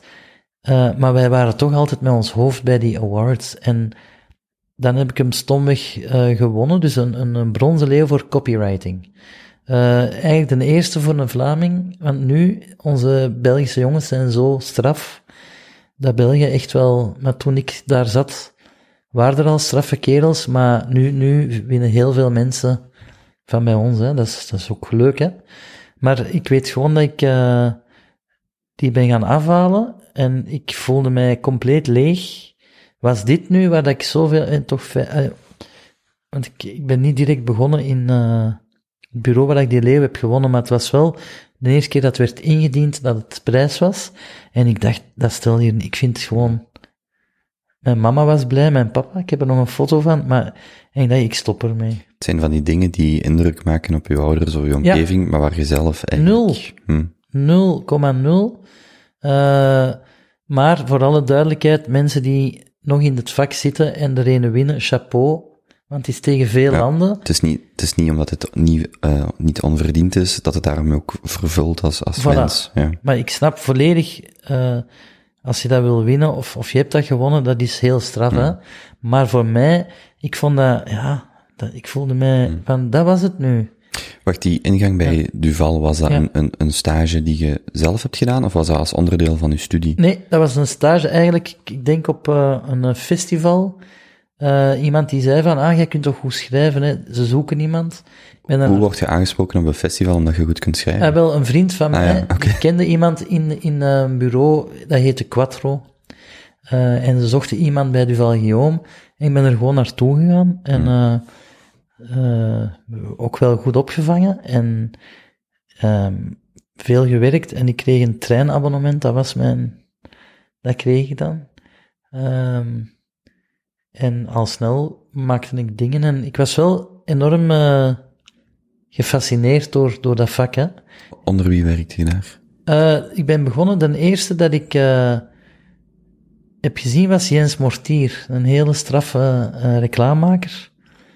En zijn collega Filip, dat waren de eerste die mij, ze zullen lachen, allee, dat waren wel fijne kerels hoor. En dan mijn reclamemeester is Dominique van Doormaal, dat is iemand die, eh, voor mensen die in het vak zitten, dat is echt wel een heel straffe kerel. Een toffe mens. Die heeft mij eh, onder zijn hoede genomen. En dat vond ik wel tof. Ik wist niet dat we zoveel over reclame, want ik heb dat echt zo geparkeerd, maar het is tof om er nog eens over... Nee, nee, nee, maar niks mis mee, maar wij zaten dan bij DDB, dat is een internationaal bureau, en daar zat een Argentijn, Wacht, TDBO, DDB. DDB. Ja, in Brussel was dat. Ah nee, BBDO zat ik mee BBDO is Ja. nog iets anders. Nog iets anders, Ja. ja. DDB, hè, want alle reclamebureaus, of toch veel, hebben initialen. Eh, en daar zat een Argentijn, een Brit, ik vond dat fantastisch. Dus, want ik heb eigenlijk, mijn droom was om in Bangkok ehm, te gaan werken. Allee, zo, want die wonnen ook vaak prijzen. Hè. Zo in Cannes kwam je dan En ik dacht, waarom ga ik niet naar... Ik, ik reis graag en ik schrijf graag. Ehm, en, want ik heb ooit... Ge, ge- ik heb een jaartje in Australië gewoond ook. En dan ben ik bij Ogilvy en mij zo, eh, gaan solliciteren. En dat is niet gelukt. Wacht, Australië was Ja. ook voor het werk? Eh, nee, dat was... Dus eh, puur reizen. dat was in 98, denk ik. Ik, ik. In ieder geval, ik heb het geprobeerd om, om, omdat ik graag reisde, om daar als copywriter voet aan de grond te krijgen. Dat is nooit gelukt. Want dit is ook pre-internettijd. Ja. Of, of overlapt het net met... Nee, in 98 zat ik in, eh, werkte ik in een boekenwinkel in Melbourne. En dan eh, heeft iemand mij verteld over Hotmail. Hm. En dat was een machine waar je een Australische dollar in moest gooien. Dat was echt zo een Hotmail soort eh, joystick-kast. En dan typte ik mails naar, naar thuisfront, maar mijn ouders kenden dat niet. En die zijn in de bibliotheek een cursus gaan volgen om mijn mails aan te kunnen ontcijferen. Heel aandoenlijk mooi van, hè? Eh, ja, dat is die tijd.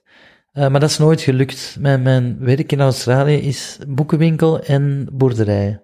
Verder ben ik niet geraakt. Maar dat was wel... Ja. Je werd daar aan het reizen toen. Ja, ja, ik heb een... eh, ik, ik weet niet of het nog bestaat, dat heette Woofing. Mhm. Dat is eh, Willing Workers on Organic Farms. En dat is een boekje dat je... Eigenlijk ben ik... Jij mocht de chronologie in de gaten houden, Ik was net aan het denken, wacht, Ja, je zit ja. 45, dus in 98 Nu- zit je 27, Ja. als ik snel denk. Daar zat ik... Dus dat was, dus dat snel was snel, dat was na je Duval-periode en na... Ja, en na de kibbutz, ik heb een jaar in een kibbutz Mhm. gewoond ook, Ehm, in, in, in de Negev-woestijn. Maar eh, Australië ben ik naar daar gevlogen, zonder plan. Eh, op vliegtuig iemand leren kennen, eh, die bij... Wacht, ik ga je onderbreken. Ja, ik, ga, maar, ik het chronologisch, want dan kan Ja, ik zelf ook. ik ben heel slecht in chronologie. Ik ook. Ja. En daarom dat ik er probeer op te letten, want Ja, ben, doe ik, maar, ben doe ik zelf weg. Ja. Dus, die, dus je, doet die, je doorloopt die, die periode, die stage Ja. wordt een vaste job Ja. bij, bij Duval. En, en, Nee, bij Duval niet, bij LGN. Dus ik ben van Duval naar een ander bureau gaan, Mhm. en dan bij DDB en Happiness geland. Maar dus je hebt geen, ehm, je hebt geen hogere studies gedaan, rechtstreeks. Jawel, ik heb eh, communicatiemanagement gedaan Mhm. in Gent, eh, maar dat heb ik niet uitgedaan. Ja, zo, dus, eh, ja. eigenlijk op een uh, mondeling examen psychologie heb ik dan een stok gehad met de, de prof en ik, ik was er klaar mee. Hoeveel jaren was dat? Dat was mijn, ik moest nog een jaar doen. eh prof, Wacht, dat waren toen twee jaar of drie jaar? Het was drie jaar. Drie jaar. Dus twee. En eh, ik had een, eh, een mondeling examen en het was een, stu- ja, een discussie en ik kreeg ineens een flits, het heel warm in mijn hoofd.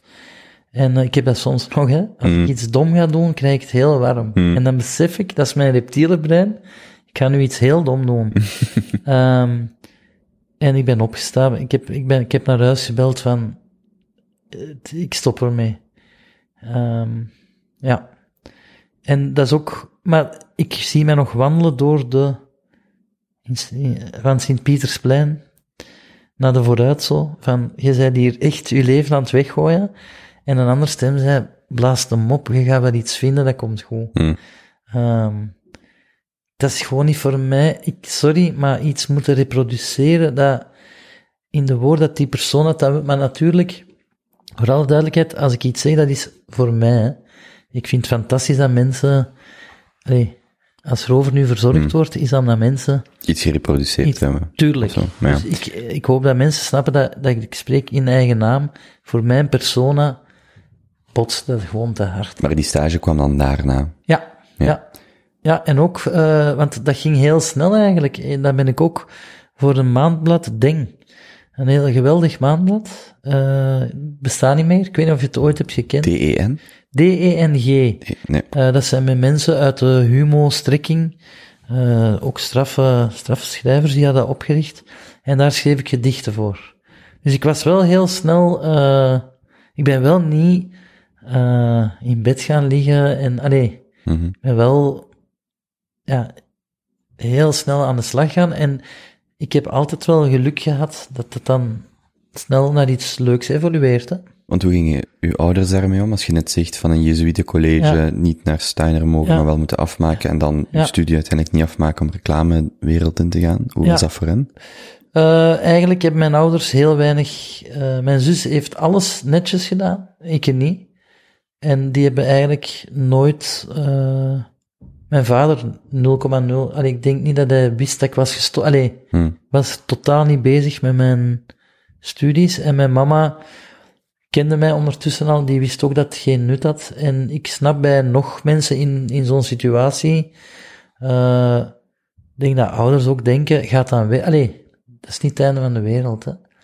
Eh, en dan waren ze, heel, als, bijvoorbeeld die leeuw, want ik zie nu die foto voor mij van mijn vader, die waren zo fier. En daar alleen al vond ik het leuk, hè. Maar voor mezelf vond ik dat niet. Dat was voor hen wel, amai, onze zoon Hm. kan wel iets. Nee, die hebben altijd wel geloofd in mij, hoor. En die, die leeuw komt als je een aantal jaar in de reclamesector Ja. zit. Ja, ehm, maar wel, allee, dat, dat was eigenlijk het bureau dat, dat was voor Volkswagen. Ehm, en die hebben dat in, want daarvoor, ik heb zo geen zin om uh, de awardcast door te gaan, maar je wint zo'n CCB award, dat is, Hmm. hè, en je hebt er verschil Eurobest en dergelijke. Dus dat ging snel, maar die leeuw had ik nog niet. Dat is de Oscar van... Dat is eigenlijk de Oscar van. eh, terwijl, vooral duidelijkheid, ik wil niet eh flauw doen over dat vak. Hè. Ik vind dat echt. Ik ben gefascineerd door goede slogans. En er, zijn, er is een mooi boekje, De Rokende Schoorsteen. Dat gaat over eh, van Reven tot alle Elschot. Die hebben allemaal eh, reclame, kopij geschreven om te kunnen gaan zuipen op café en om hun, om hun eh, boeken overeind te houden. Hè? Dus zijn, dat is een mooi boekje. Alle bekende, goede schrijvers die ooit campagnes hebben gemaakt, staan daarin. Was het winnen van die, of de ontnuchtering van het winnen van die eh, Gouden Leeuw dan een, een de vonk om, om bijvoorbeeld die reizen te starten of om weg te gaan, of zat er nog iets tussen? Eh, nee, er zat nog een reis tussen, denk ik, maar ik ben zo slecht in dingen. Ik denk dat ik de kibbutz meteen heb gedaan na mijn... eh, du- ja, voilà. Dus ik ben dan gestopt. Mijn zus woonde in Israël. En die zei, kom anders naar hier. En dan heb ik over kibbutz gelezen. Ben ik in Brussel naar zo'n kibbutz... eh, wat is dat? Center gegaan. En daar hing een kaart van Israël. Eh, en ze hadden 300 neders. eh, dat zijn, klinkt negatief, maar 300 kibbutzen eigenlijk. En ze vroegen waar, waar zou je graag naartoe gaan? En je hebt in Haifa heb je die fauna en die. En ik had gezegd, ik wil de meest afgelegen van het land. Wat is een kibbutz? Een kibbutz is een, eigenlijk is dat een, bijna een communistisch model. Dat is een gemeenschap in de woestijn. En ik doe het los van politiek, want ik doe sowieso niet aan politiek, eh, want dat, dat kan samenhoren bij het vruchtbaar maken van de woestijn en daar hou ik mij eh, ver af. Maar in ieder geval, het is een samenlevingsmodel waarbij een groep mensen in de woestijn eh, de woestijn vruchtbaar probeert te maken door dadels, rode ajuinen, dus een agrarische gemeenschap waar iedereen gelijk is. Eh, en er, eh, want dat was ontnuchterend voor mij, zo kledij of zo, dat hangt gewoon aan de wasdraad en in- je komt daartoe met je eigen kleren en je evolueert naar, Hmm. je neemt maar iets. En ik was eh, specialist, ik ben begonnen in de compostvelden, dat is een soort ontgroening dat ik niet door had, met een Deense jongen, Sofus Rossing, toffe kerel die ik daar had leren kennen. En wij hebben twee weken in de mestvelden gewerkt. Wij moesten buizen prikken om die mest te irrigeren. Hm. Eh, maar we hadden niet door dat dat... Dat was letterlijk strontwerk. Maar ik dacht, het is dit of het is in Leuven bij die profs op haar muil moeten kijken. Dus ik, het was ook heel mooi. Wacht, waarom zat uw zus trouwens in Tel Aviv? Eh, mijn zus heeft eh, op de VUB gestudeerd en daar heb je een afdeling Vesalius voor buitenlandse studenten. En zij heeft daar een man daar leren kennen. Zijn nog altijd samen, een Israëli. Mhm. Ja. Ehm, en eh, zij is dan zijn hier gebleven en dan zijn ze in Israël gaan wonen. Want voor u, dat was dan, was het dan eerder gewoon een gemakkelijke connectie om naar Israël, Ja. is niet dat Israël zelf Nee. een, een speciale Nee, want had. ik hou alleen van. Ik ben eh, ook in Egypte gaan. eh, ik ben van Egypte naar Sudan gelift. Dat is een totaal ander land dan Israël. Dus ik hou van die regio sowieso. Ehm, maar mijn zus had daar natuurlijk. Ik had ook geen geld. amper voor een ticket. Dus ik ging in Tel Aviv eh, eten bij mijn zus. Hmm. En zij heeft voor mij in het station zo'n backpack. Mijn eerste backpack was eigenlijk zo een nep backpack. Heel slecht nagemaakt. En ik was zo fier. Ik zie hem nog voor mij. Heb je hem nog? Ik heb hem niet meer. Die van Australië nog wel. Eh, maar die Tel Aviv backpack, dat was, ik was zo fier van, wauw, mijn leven gaat beginnen nu. Nu gaat het beginnen. Hoe oud zit je op dat moment? Ik- Dat weet ik niet. Wacht, hè. Eh, ik denk dat hij in 94, nee, of 93, 94. Ik weet het niet meer. Ik zou eens moeten, ik heb er een dagboek van. Je zit van 75, 74. 74. Eh 94, ik denk, 94 lijkt mij vroeg, want dan waren ja, nee, het 20. is 96 of Ik weet het niet meer. Mhm, dat, is, nee. dat is wat ik dus bedoel met heel slecht met getallen. Ehm, maar ik weet wel dat ik die rugzak kreeg van mijn zus en ik dacht, wauw. En ik heb, eh, het, het gekste was, wij moesten dan, wij werden opgepikt, dus door de Negev rijdt één weg van eh, Tel Aviv via Beersheva naar eh Eilat. Dat is één weg. En ze hadden gezegd, we komen u halen om twee uur, je moet die bus nemen en om twee uur komen ze u halen. Dus ik zat in dat buskotje in de Negev. Ik denk dat ze om acht uur mij zijn komen ophalen. Dus ik heb zes uur in dat buskot in de woestijn met mijn eh, groene nep eh, backpack. Eh, en de manier waarop ze mij zijn komen oppikken was ook heel filmisch. Was een Zuid-Afrikaan. Daryl heette die. Die had iemand... er zaten wel wat types die dat hun land waren ontvlucht omdat ze criminele dingen hadden gedaan. Dat was een heel ruige gemeenschap. En hij kwam aan met een pick-up truck. eh, en er was muziek van Manfred Mann. Dat maar eens opzoeken. Dat is eh, psychedelisch, maar dat galmde uit die pick-up. Dat zand. En ik weet dat ik heel Vlaams, braaf, eh, zei hallo, ik ben Peter, ik kom uit België. En kijk, hier is mijn attest, want je moest een attest hebben dat je geen HIV had. Dus ik had de attest, dus ik heel fier. En I don't give a fuck if you've got AIDS. Four o'clock, the sirens will... Dus ik moest om... Hij zei, kan me niet schelen, kruip erin. Om vier uur gaat het alarm en dan eh kun je beginnen werken. Omdat s'nachts ging de alarmbel, omdat het overdag zo warm is in de woestijn. Voor de, dat wij om vier uur moesten opstaan en dan werkten we tot 19 uur. wa- wat was de reden om op dat vliegtuig te stappen naar Israël? Het, het eh, lukte hier niet.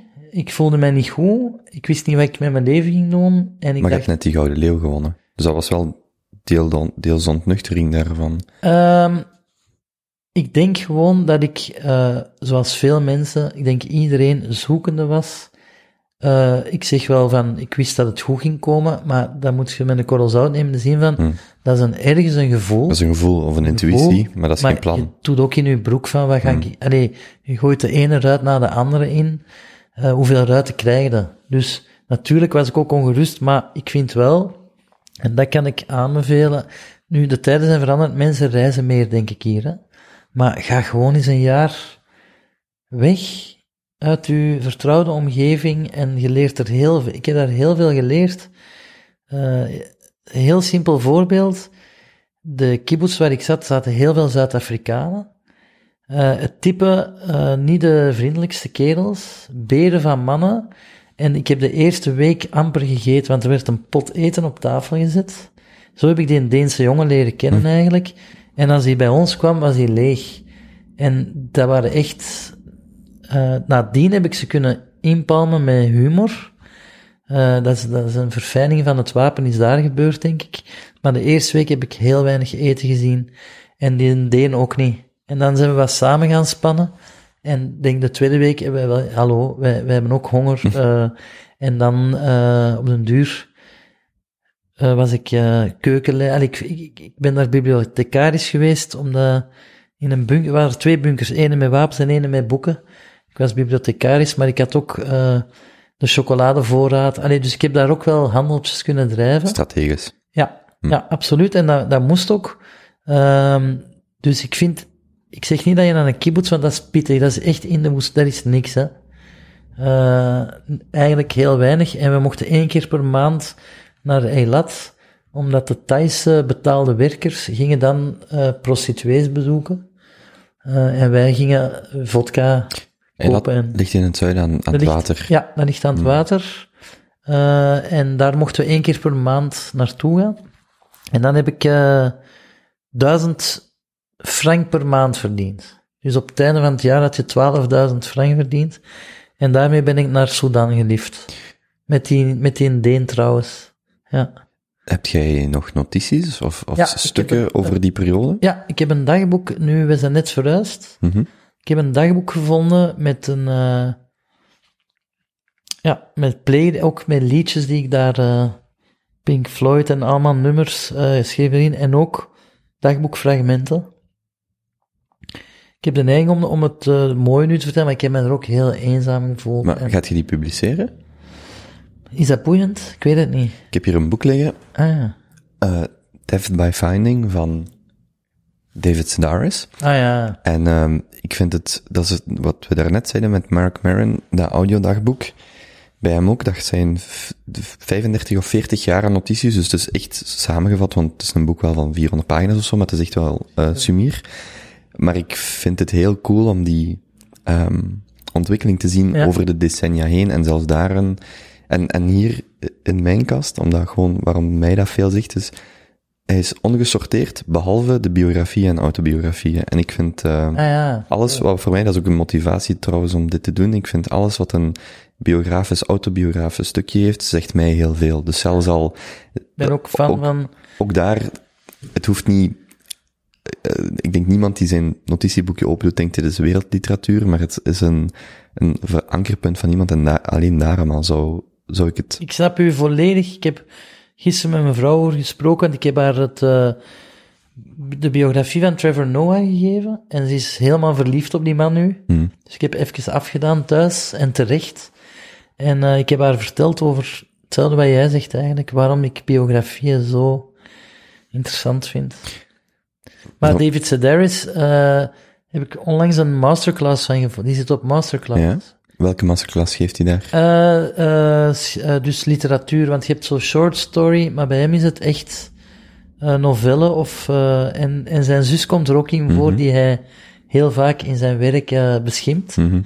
Die, die zit mee in de masterclass, het is heel goed. Het is echt, eh, Oké, checken. ja, het is fantastisch. En, ehm voor mensen die masterclass niet kennen, dat is een, een service. Ja, masterclass.com ook. Ja, masterclass.com is eigenlijk een, een gemeenschap waarin de absolute toppers in hun vak masterclass geven via video. En dat kan van Scorsese gaan, Aaron Sorkin. Aaron Sorkin, eh, maar ook ehm eh, NBA-basketters. eh, het, is, het is een heel fijne... Mhm. Voor 100 of 200 dollar Ja. per jaar. Het is wel niet goedkoop natuurlijk, maar je kan dan... eh, Wat prijskwaliteit. ja, tuurlijk, het is om, om fantastisch. Hans Zimmer te zien produceren, hoe dat hij zijn Ja. muziek maakt, denk ik, oké, voor die... inderdaad. Tuurlijk, en, Mhm. en ik denk dat voor de luisteraars, of hoe hoe noem je mensen die naar een podcast luisteren?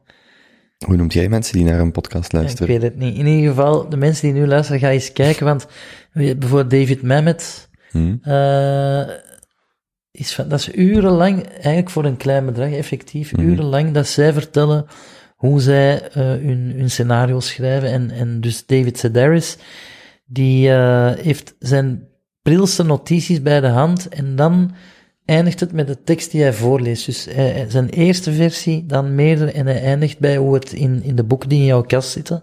Dat is super interessant, ja. Er was ooit een, eh, of er is een aflevering van Freakonomics, dus dat zijn die boekenreeksen, en ehm daar is ook een podcast van. En daar ging het over de periode van de hyperinflatie in Duitsland, dus in de Weimarrepubliek.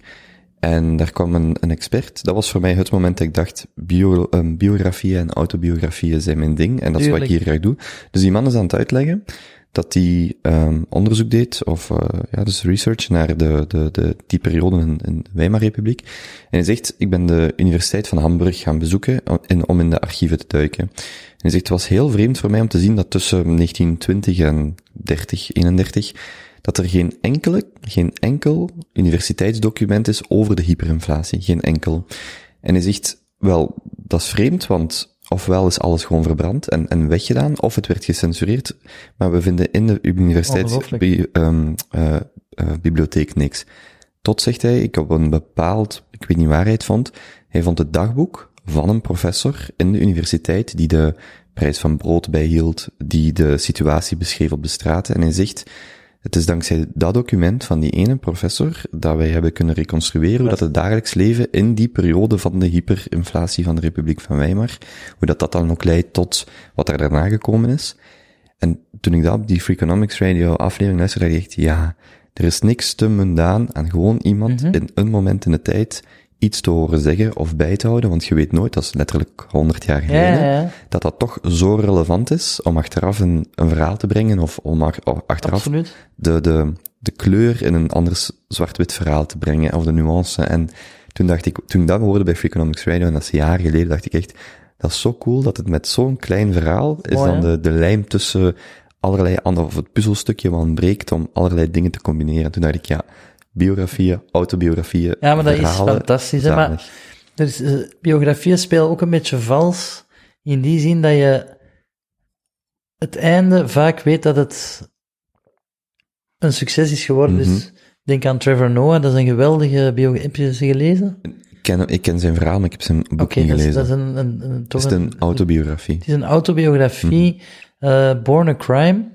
En het is een absolute aanrader. Ik denk ook in deze tijden, waarin dat, de Black Lives Matter, allee, je voelt dat dit is een tijdsgericht waarin dingen bewegen. En eh, ik vind dat een, een goede handleiding daarbij. Mhm. En eh, de titel kort uitgelegd, ik weet niet of het de bedoeling is van on- onze podcast, maar ik wil toch meegeven. Born a Crime, hij is eh, geboren uit een ge- gemengd huwelijk. En daar stond vijf jaar cel op tijdens de apartheid. Dus eigenlijk, hij is geboren als een, eh, hoe zeg je, crime, een eh, misdrijf. Maar het is met heel veel humor geschreven en eh, ja, ik denk, eh, het is een veilige boek, dit is fantastisch. Ja. Is dat dan het duwtje dat je nodig hebt om uw notities te publiceren? Nee, maar dat is het punt. Mijn vrouw zegt bijvoorbeeld, eh, schrijf nu iets over uw jeugd. U- mijn papa was zeer geestig en de dingen, de situatie dat hij ons heeft ingebracht, ik vind die normaal, omdat ik zo ben opgegroeid. Maar mijn echtgenote is in een, een heel warm Vlaams gezin, dat redelijk conformistisch. Zij vindt dat absolute gekte wat ik heb meegemaakt. Hmm. Maar ik vind dat niet zo speciaal. Waarom? Dat is, ik ken niet anders. Dus zegt zij, je moet dat publiceren. Maar ik vind, en daar komt het, uzelf interessant genoeg vinden om over... Allee, snap je wat ik bedoel? Ik heb daar moeilijk mee. Nee, ik snap Terwijl niet ik ben nu heel de tijd over mezelf aan het praten, hè. Hm. Maar om dat dan toevert... Ja, ik... Je snapt het niet, maar Maar, ik praat nu ook over mij, dat is het nu eenmaal het concept, dus ik vind dat is gedoogd, want je Hmm. komt naar hier, je moet niet flauw doen om het over uw persoon te hebben, maar om zo te zeggen, ik lees nu, dit, dit is wat ik heb mee, en dat is van, allee, dat, dat, maar dat is toch een arbitraire lijn in je hoofd? Want Ja. je kunt hetzelfde argument voor je programma's maken. Van Tuurlijk. wie, wie ben ik om die te pre- presenteren of Ja. te maken of te schrijven? nee, dat is waar, maar, maar de programma's, vind ik, gaan niet over mij. Snap je, als je in de containercup zit, Hmm. dat gaat over atleten die met elkaar wedijveren. En Maar goed, waarom uw... Ja, Ja, ja, maar je hebt gelijk hoor. Het is punt. sowieso een uiting van ijdelheid. hm, Maar ik vind om dan uw heel uw leven, om daarvan te vinden... Hoe vaak heb je het al meegemaakt, Kobe, dat je op café zit met iemand die zegt, mijn daar moet eens een boek over schrijven. Ik denk dat iedereen dat denkt. Maar als we al die boeken zouden moeten lezen, dan... ja, maar je kunt het ook omdraaien en er hoeft maar één persoon het te herkennen of er waarden in te vinden of sterkte uit te halen. Dan maakt het... Want iedereen, het is ook te nemen, het- je dwingt niemand uw mening op. Nee, maar dat is waar, dat is waar. Maar misschien daar ligt het. ben je nu al de tweede op rij die, die zegt, doe dat dan? Dus, dus misschien wel, maar je hebt gelijk, want ik, ik denk nu aan, eh, er is ook, we praten over mijn zoon, dat is ook exhibitionistisch ergens, kan je dat leed en dingen sereen mee omgaan en dat binnenskamers houden, wat dat een logische reflex is. Wij hebben meteen gedacht, wij gaan daar natuurlijk niet mee te koop lopen, maar als er een gaat, vraag is... je gaat het ook niet wegsteken. We gaan dat niet wegsteken. We hebben dat wel met een, een bevriende journalist, Rick van Puinbroek, een eh, straffe kerel, ons eerste interview rondgegeven, omdat we nog heel kwetsbaar waren. Hij heeft ons heel goed beschermd, moet ik zeggen. Maar ik moet zeggen, alle journalisten zijn zeer correct geweest naar ons toe. Mhm. Echt iedereen. Maar waarom heb ik dat nu wel gedaan? En Evelien, wij hebben nadien gehoord van Gasthuisberry dat ons interview nu wordt gebruikt voor tijdens de opleiding voor verplegers op die afdeling. We hebben heel veel ouders gehad die ons hebben gemaild. Dank u, wij zitten in dezelfde. Dus in dat opzicht vind ik dat zeer gerechtvaardigd om te doen. Hè? Maar, maar ik heb het over, over mijn jeugd, waar ik nu toch wat over vertel. Ja, misschien wel. En het stoort mij niet als David Sedaris het doet. Waarom durf ik dan zelf niet? Ja, misschien moet ik er eens werk van maken, ja. Het is bijvoorbeeld, ehm, ik denk dan, waarom moet ik, doe ik, er zijn toch al zoveel goede babbels, allee, of er zijn al zoveel babbels toekoer, waarom extra, waarom meer, waarom, wie ben ik om dat te doen? En overlaatst zegt iemand tegen mij, een gast heeft eh, Panika, Michael eh, van den Bos is hier geweest, een vriend van mij ook, die had als kind of als puber um, paniekaanvallen en die had een, een, een bepaald zinnetje in zijn hoofd om daarmee om te gaan. Die vertelt op de podcast. En overlaatst zegt een bevriende psycholoog tegen mij, ik heb dan een therapie opgezet, omdat hij dat zo, zo goed uitlegt. Die legt dat perfect uit, ik zet dat stukje op. En dan denk ik, ja, de volgende die tegen mij zegt, zeg, waarom doet je dat? Dan zeg ik, het kan maar één persoon helpen. En dat is, dat is dan hetzelfde, ik voel dan dezelfde, of een gelijkaardige angst van waarom. Maar tegelijkertijd, als je het niet doet, weet je dat er niks uitkomt. En anders, wie weet, Ja. hetzelfde met dat interview, of gelijkaardig, dat je die troost biedt, of die ruimte creëert Absoluut, voor andere nee, mensen nee. om ook... Het is gerechtvaardigd. Ik weet, je haalt nu angst aan. Eh, ik heb daar ook heel veel last van gehad. En pas, ik denk, ik weet niet wie het mij zei, maar ook een, een, eh, iemand uit ons vak die mij dat vertelde. En dacht, oeh, en je hebt dat ook. En oeh, en die ook. En ineens, ik heb dat heel lang niet durven zeggen en zelf mee proberen om te gaan. En ah ja, hoeveel mensen dat daar last van hebben, dat was voor mij een enorme bevrijding van, oké. Maar bij mij was het angst voor angst. Dus Dus niet bijvoorbeeld, angstig dat ik een paniekaanval zou krijgen. ja, Dat is mijn pathologie dan. Ik heb een, ik heb een, eh, ik wil niet zo constant, oh, ik heb ook iets, Nee, nee, maar maar ik heb een, een, in mijn hoofd zit een angst om gasten een naam fout te zeggen. Dus, dus ik heb echt letterlijk een, omdat ik ook relatief veel mensen zie, Ja. dat, dat ik echt bijvoorbeeld, vorige week zat Dieter hier, dan, denk, dan ik me niet idee zeggen, of niet zoiets, of vandaag zit Pedro hier, niet Peter zeggen of zo, want Ja, eh, ik heb een angst en wat om is dat er zo zeggen. erg, mocht je dat doen? Vind je dat vernederend? Of? Nee, maar dan, ik denk in mijn hoofd attribueer ik dat aan een, een gebrek aan professionalisme of, of, of, aan, of aan focus, terwijl het dat helemaal niet zo is. Maar dat is, en het is bijna door er angst voor te hebben, dat je het nog net Tuurlijk. meer gaat gebeuren. Ja, ja, ja. Terwijl dat dat volledig, ja, ik, ik, het, is, het is eigenlijk, in mijn hoofd is dat vrij irrationeel, maar ik heb dat wel, hoe langer hoe meer, dat ik zo denk van, ah ja, in een moment dat ik misschien iemand zijn of haar naam vast zeg, fout zeg, en dat is ook wel, omdat ik altijd een heel hoge waarde aan een naam heb gehecht. Ja, maar dat ik vind dat het, het belangrijkste, het mooiste compliment is iemand zijn of haar naam herinneren en weten en die gebruiken. Als ik in de winkel sta en ik zie een naamkaartje, dan zal ik snel zeggen, dank u wel, Emma of wie dan Ja, ook, ja, omdat dat een naam is zo in, in, in En dat werkt altijd, mensen zijn altijd ja. blij. Tuurlijk, je, je ziet hen en, en ik denk dat daar een stukje de angst zit van, dat ik denk, oh nee, was ik die zijn of haar naam fout zeg, of gewoon, ehm, en het is al meer de angst voor de angst dat u, dat uw gedrag gaat sturen. Ik had angst dat ik eh, in de supermarkt zou mij op de grond gooien en beginnen huilen. Dat was mijn angst. In de, wat In, de, bedoelt, in mijn meest eh, angstige periodes. maar dat bedoelt je dan de laatste twee jaar? Of Nee, nee, nee. al veel lang daarvoor? geleden, ja, ja, ja. oké. Ik, ben, ik ben er eigenlijk eh, doorgekomen door te beseffen ehm, dat veel mensen daar last van hadden. En door te beseffen, als het gebeurt, whatever, ga verder. Snap je? Maar dat is wel de tijd voor de smartphone waar iedereen nu filmt. Ja, nu wel, ja, ja, dat is waar. Nee, maar dus, Maar nee, maar wat Mm. kan er gebeuren? Ah, nee, Mhm. wa- hoe erg is het? En, en, en het was weg.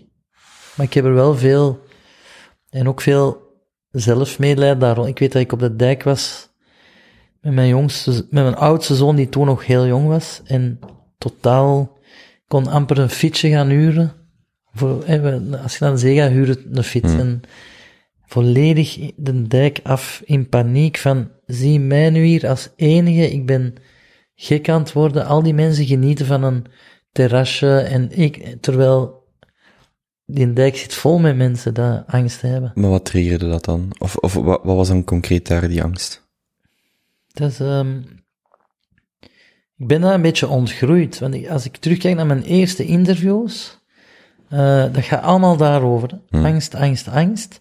Op den duur werd ik daarmee vereenzelvigd van elk, en nu blijkbaar niet, want wij zijn al lang, ik heb het nu zelf aangehaald, hè, maar dus dat, dat is ook wel iets dat ik heb geleerd, wat je in interviews zegt, komt terug, hè. Hmm. Maar dat is niet erg. Eh, maar dat is een heftige periode geweest, ja. En de aanleiding, dat weet ik niet. Ik denk echt iets, dat is een chemiefabriek, hè. Allee. En ik, ik heb altijd, ik weet, ik ga eens kijken. Ah nee, dat, ah ja, voilà. Ik heb altijd een eh, medicijn op zak. Was dat Imodium? Nee, eh, dat is, eh, ik weet niet of ik kan product placen, maar Temesta. Hm. Dat is, een, laten we zeggen, angstremmende. eh, dat heb ik altijd op zak, maar ik gebruik dat niet. Hm. Dus dat gaat altijd in het wasmachine. Dus, maar Heb je, heb je hier al de nooduitgang gecheckt? Nee, nee, maar ik besefte wel twee dingen. Jij vooral fitte mensen moet uitnodigen, want het is heel hoog. Hm. En als het brand uitbreekt, ik heb gekeken, eh, uw raam rechts, daar is een boom dat ik zou inspringen. Heb je gezien dat er van achter geen brandladder is? Nee, nee, maar ik ben... Ah, er is er één, oké. Nee, er is, ja, maar die is niet Dat toegankelijk. is van de buren. Dat is van de buren. Ja. Nee, dus ik ben daar net uit uw eh, venster gaan kijken. Hm. En omdat we zo hoog zitten, een beetje rechts van, is een, is Zou een jij in die grote boom springen? Tuurlijk, als het Ik heb brandt. er nooit aan gedacht zelfs. Ik dacht altijd dan langs achter naar buiten te Nee, klauteren. maar ik moet zeggen, probeer het niet, want het is een serieuze afstand van uw venster naar een boom. Hm. Maar als het moet, dan doe ik dat. Dat doe ik altijd wel checken, naar waar moet ik springen. Protip van mijn broer, die is brandweerman. Als je ooit in een tunnel vastzit en er breekt brand uit, loop, de, de meeste mensen lopen naar buiten, maar, en de meeste mensen sterven ook van de rook. Dus loop naar beneden, naar het diepste punt, want de rook gaat altijd naar boven. Dus altijd in een tunnel een brand, naar de brand toe eigenlijk, en erdoor. Dat is zo het- onnatuurlijk. Ja, dat, ja, ja, want iedereen loopt naar buiten, maar dan pakt de rook u, en eigenlijk, niemand sterft van de van vuur, maar van, ja, van de vlammen, maar van de rook in de meeste branden. Dus het is echt, in een, want een tunnel is altijd zo gebouwd dat het naar het diepste punt Ja. gaat en weer omhoog. Dus altijd naar beneden, erdoor lopen, en eh, zeker niet naar buiten lopen. Schitterend. Kijk, Pro-tip om te weten. Dit is nu al gerechtvaardigd dat we hier zitten, Ja? omdat alle mensen die dit gaan allee, horen, dus mogelijk gaan wij met alle luisteraars ooit in een tunnel, als ik naar beneden loop, ga ik zeggen, je hebt die podcast gehoord van Kobe. En dan gaan we dat samen overleven. Nu hoop ik wel, omdat jij net zei, we hadden een karakter dat kanker kreeg, en het is gebeurd, ik hoop wel niet dat het ook effectief zich gaat manifesteren in de mate dat ik dat zou kunnen hopen. Ja. Maar eh, goed, als het gebeurt, door de Nee, maar dat is Vlammenzee. super eh, zinvol, Hm. omdat ik, eh, ik snap de mensen die gaan naar buiten. Je wil, je wil weg van de brandhaard, hè. Mag ik nog één tip Ja, geven? tuurlijk. Als je autopannen hebt, of wat dan ook, en dan op een snelweg, altijd achter de vangrail. De meeste mensen sterven, omdat ze niet achter de vangrail staan op, in, in die situatie, meer dan de- het accident Ja. zelf. Altijd achter de vangrail gaan Dat doe staan. ik altijd. Hm. Ik zie soms mensen die dan in pannen staan en dan zitten die tegen de voor in een vangrail. auto, dus ja. achter het zicht van de anderen, hè. Dus dan heb ik het nog niet over de, ook niet over de, de driehoek zetten en zo. Nee, nee. Dat moet je sowieso maar swat. Maar die zitten dan tegen de vangrail te wachten op de, op de, de pechdiensten. Op de snelweg. Nooit doen. Zot, hè. En ook blijkbaar gebeuren de meeste accidenten in een file, de meeste dodelijke accidenten, wanneer je als auto tussen twee camions op het rechte rijvak, omdat die soms onoplettend zijn, en zeker een, een wagen is direct geplet, dus ik heb dan een pa niet een panische angst, maar file, direct weg van de, nooit tussen de um, vrachtwagens Doe rijden. dat ook. Ja, het zou u een leven kunnen redden. Um, ja. Wacht, wij zaten, Ik ga toch even plassen, want Mhm. mijn rooibos uh, alarm gaat af. oké, okay, Uh, en dan kunnen we terug inpikken, hè. Ja. Is goed? dat gaat.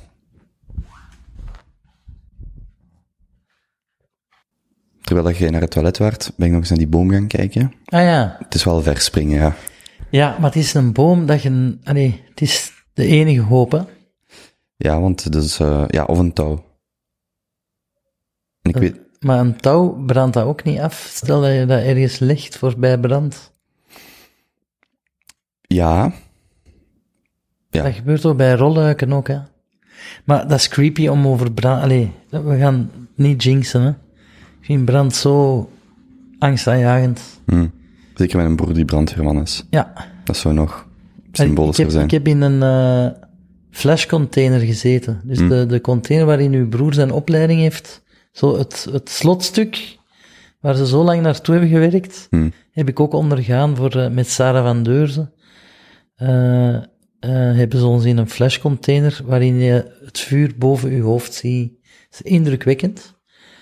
Maar eh, wij, wij hebben er vijf minuten uitleg gekregen en zijn er gaan inzitten. Hm. En toen dacht ik, wow, dat is wel akelig, hoe mooi, maar hoe snel vuur kan gaan. Ik denk, ik ben te jong om Jaws als definiërende film te hebben, want dat was voor mijn tijd. Maar ehm, ik weet dat ik als kind heel graag eh, Backdraft, denk ik, keek. Ah ja, ja. Die film waar ze de deur dan, en je ziet dan zo de rook onder de deur gaan, deur open, brrr, heel dat, is ik akelig, denk dat hè? het Backdraft was.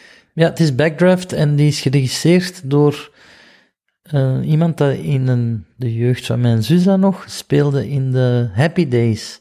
De Fons, zeggen jullie dat iets? Nee, Nee, waarschijnlijk niet. ik ben De van 91. Ja, de Fonzie, amai. Hm. Dat was een coole, een, een soort met held. En Richie Cunningham was een, een eh, kereltje dat erin speelde. En die is dan de regisseur geworden van Backdraft en Apollo, hoe heet hem? Het is vergeten. Zwat, Ja, en, Backdraft, ja. en ik ben ook aan de hoofdrolspelers aan het denken, was het, ehm, hoe heet hem, Ik ga het toch opzoeken, want ik kan er niet tegen dat ik dat niet weet. voor die paar mensen die nu zitten te vloeken van, allee, Sorry, Maar ja. ik- nee, nee, Allee, graag. de regisseur Want dat, is van... echt, dat is echt zo de film uit mijn, allee, de film, waar dat vuur er zo ingebrand werd. En dan had je ook die film met die vulkaan eh, in de stad, waar dat ze... Ron zo- Howard, sorry. Ron Howard, ja. Ja, Ron Howard, die bedoelde ik.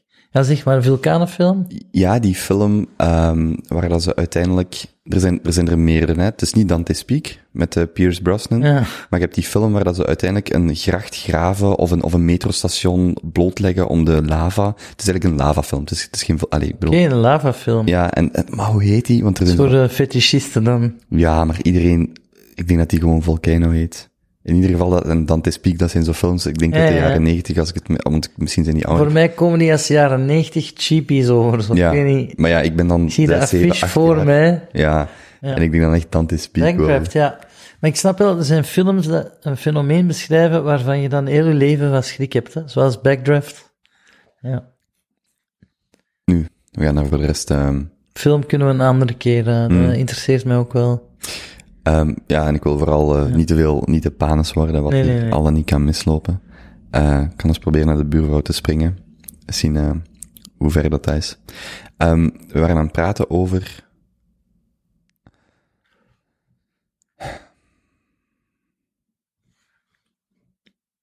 allee, in bredere lijn, het ging over, over de, jij die vertrekt, we waren eigenlijk over de angsten bezig, maar je werd dat verhaal nog aan het afmaken van jij die naar Israël vertrekt en hoe dat dat begin is van, of, of een eerste stap in die reis die je uiteindelijk stap. gedaan hebt. Die, die eh werkgerelateerd was in de zin van dat is eh, werken in de woestijn. Hè? Eh, ik was daarna heel goed in rode ajuinen plukken. Watermelonen heb ik gedaan en dadels. Dadels was het leukste werk, moest je met een, een soort ladderliftje, allee, in de boom, in de kruin van de boom, samen met een Thaise paid worker. Het was altijd een team. Ik was een volunteer. En dan had je de vaste werkers. Ehm, en dan moest je de dadels afbinden en later viel allee, dat was het eigenlijk. En die, eh, ik denk nu aan een, een eh, Thai, die heette Python. Was knettergek. En die stak, eh, diepvrieserwten in zijn flosh.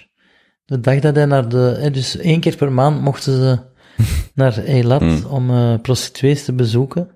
Wat ik snap dat die hun stoom, allee, die moesten aflaten. Allee, dus ik snap dat die eh, ook eens uit, dat, uit die werkomgeving moest. En die was, voor iedereen was die eigenlijk diepvrieserwten in zijn... En ik, eh iedereen van, wat doet hij? Dus ik vroeg hem van, what are you doing? En het was voor de dames te plezieren, dat hij zijn penis aan het ombouwen was, dus eh, aan het ribbelen was met diepvrieserwten. En dat ben ik nooit vergeten. Als ik aan de kibbels denk, moet ik jammer genoeg ook aan de flosh van Python denken. Hmm. Ja. Of, of Pilak, dat was een hele gevaar, een rare. En een, zat een Brit had aan zijn haar getrokken, maar dat is echt not done Eh, voor een Thais iemand is dat echt heel onbeleefd, wat ik snap. Dat is echt een enorm gevecht geweest. Dus we hebben daar zat de Britten, ah ja, dat is echt een rare omgeving, de kibbutz.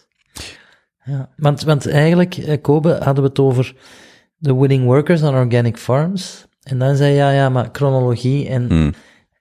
Ik ben zo slecht in chronologie dat ik mijn reizen zelfs niet in volgorde kan zetten. Maar Australië is daarna, en dat wil ik toch zeggen, mochten er luisteraars goedkoop willen reizen. Willing Workers on Organic Farms is een boekje. Eh, ik wist dat niet. Ik had op het vliegtuig iemand leren kennen. Die had dan een zus in Melbourne. Die heeft me erover verteld. Je koopt dat boekje en er staan allemaal boerderijen in. Met gezinnen die zichzelf beschrijven. Wij zijn de familie Jacobs. En wij hebben een permaculture boerderij in Darwin. Enzovoort. Je belt daar gewoon naar. Je zegt, hey, ik kom uit België. Ik wil graag bij jullie komen. En dan moet je vier uur per dag op de boerderij werken. Met het gezin. En voor de rest gratis kosten en inwoon. Hmm. En dat heb ik eh, toch van het jaar bijna acht maanden gedaan. Over heel Australië. Hoe lang, wacht, hoe lang zat je in Israël? Eh, Israël was een jaar. Een En jaar. Australië ben ik uiteindelijk drie keer geweest. Eén keer een jaar. Dan ben ik eh, drie, vier maanden teruggegaan. En dan ben ik eens voor, belachelijk, voor twee weken, boeren die ik heel graag zag, van een boerderij in de rainforest, ben ik die gaan verrassen. Als ik dat in mijn Dat hoofd is toch niet belachelijk? ja, ja, nee, nee. Ja, nu, nu zijn het andere tijden, maar nu zouden zo vliegen. Ik wil maar zeggen, dat is een heel verre reis. Om er dan maar twee weken te zijn, het duurt al een week voordat je geacclimatiseerd bent. Hm. Dat is te kort, hè, maar ik, ik wilde hen verrassen. Ehm, zijn heel lieve boeren, die wonen in een, een bus in het regenwoud. Het zijn Nieuw-Zeelanders die door Australië reden met een schoolbus. En de vrouw was zwanger geworden en ze hadden besloten, kijk, we parkeren die bus hier en we kopen gewoon dat land. En daar heb je zoveel land voor zo weinig mensen. En die hebben een prachtige self-sufficient eh, paradijs gebouwd. En zij, de volunteers, wij dan, mochten, moesten dan vier uur meewerken. En de rest konden wij mee op kano-vakantie met gezin. En het is een heel goedkope manier om het land echt te kennen. In plaats van in vieze jeugdherbergen Ja, te gaan stinken. ik heb zelf ook een uitwisselingsproject gedaan, een jaar in Brazilië en dan nog een jaar ook vrijwilligerswerk in Hamburg. En ik zeg vaak tegen mensen, alles wat roofing is, of, ehm hoe heet dat weer, dat, dat is eigenlijk vooral voor meisjes die dan gaan babysitten, um, au pair. Ah ja, ja. Zo au pair, roofing, er zijn nog een aantal dingen waar je eigenlijk vrij low budget echt heel echte ervaring Ja. en ook niet gewoon, gelijk in Erasmus is ook al iets, maar je zit vaak omringd door andere studenten, internationale context, wat toch vrij ver weg staat vaak van de lokale eh, realiteiten, waar je met roofing en au pair eh, programma's. Maar dus het bestaat nog. ja, Want sowieso, jij want, kende het ook. ja, want Ja. ik denk dat de website is, denk ik letterlijk woof, ah, met en er is ook, in de tijd dat ik er veel naar kijk, dat is ook wel een paar jaar geleden, maar was er, ehm workaway.info was een website, ik denk, ik ben vrij zeker dat dat nog bestaat, waar je dus net gelijk jij het beschreef, ehm eh, dus die, die lijsten hebt met, Ja. met de werelddelen en de gezinssamenstelling en de foto's en je kunt, en dan ook een kalender van dan zoeken wij mensen. En, ehm ja, je kunt daar eh, heel gemakkelijk mensen contacteren. En ja, nu met corona, maar zelfs, zelfs nu kan je me voorstellen, als jij eh, daarin geïnteresseerd bent, zeker als je de, de mogelijkheid hebt. Het is van, Dat is je een moet gewoon een en, en voor de rest. Maar je krijgt wel geen centen, dus het is een Ja, eindig kosten verhaal. en wonen. Kost en inwonen. Hmm. Ja. En dan beland je op, ik heb in Darwin op een boerderij gewoond. Dat waren gewoon wiettelers, eh motaars, allee zo. En ik moest daar gewoon babysitten om de kinderen. Hmm. Ehm, ja, je kunt heel het land doorkruisen en, en je komt mensen, ja, ik vind dat wel interessant. Eh, ja. Hoe oud is uw oudste zoon nu? Die is 15 jaar en dus Matteo is 15 jaar, Rover is 5 jaar en Bonnie is 4 jaar. Is hij geïnteresseerd in een buitenland ervaring? Of misschien, Hij is al heel veel op reis geweest. maar zelfstandig ook? Eh, nee, ik ga elk jaar één keer met hem. eh, nu zijn we naar Zwitserland Mhm. gegaan. En naar, we hebben Engeland ook gedaan met ons kampeerbusje. Spanje, Ibiza ben ik met hem ook geweest. Ik ga één keer per jaar met hem, één op één, wil ik eh, samen iets doen.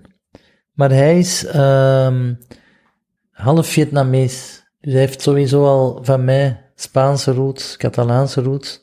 En langs mama's kant eh, Vietnamese roots.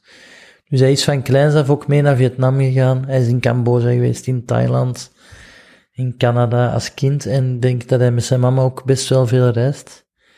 Dus dat is iemand die op dat vlak Hm. al eh, veel geluk heeft, moet ik zeggen. Ik ga er even op inpikken. En ik ga deze aflevering dateren, wat ik normaal niet graag doe. Maar vanavond is de Champions League finale. Ja, Volgt je het nog?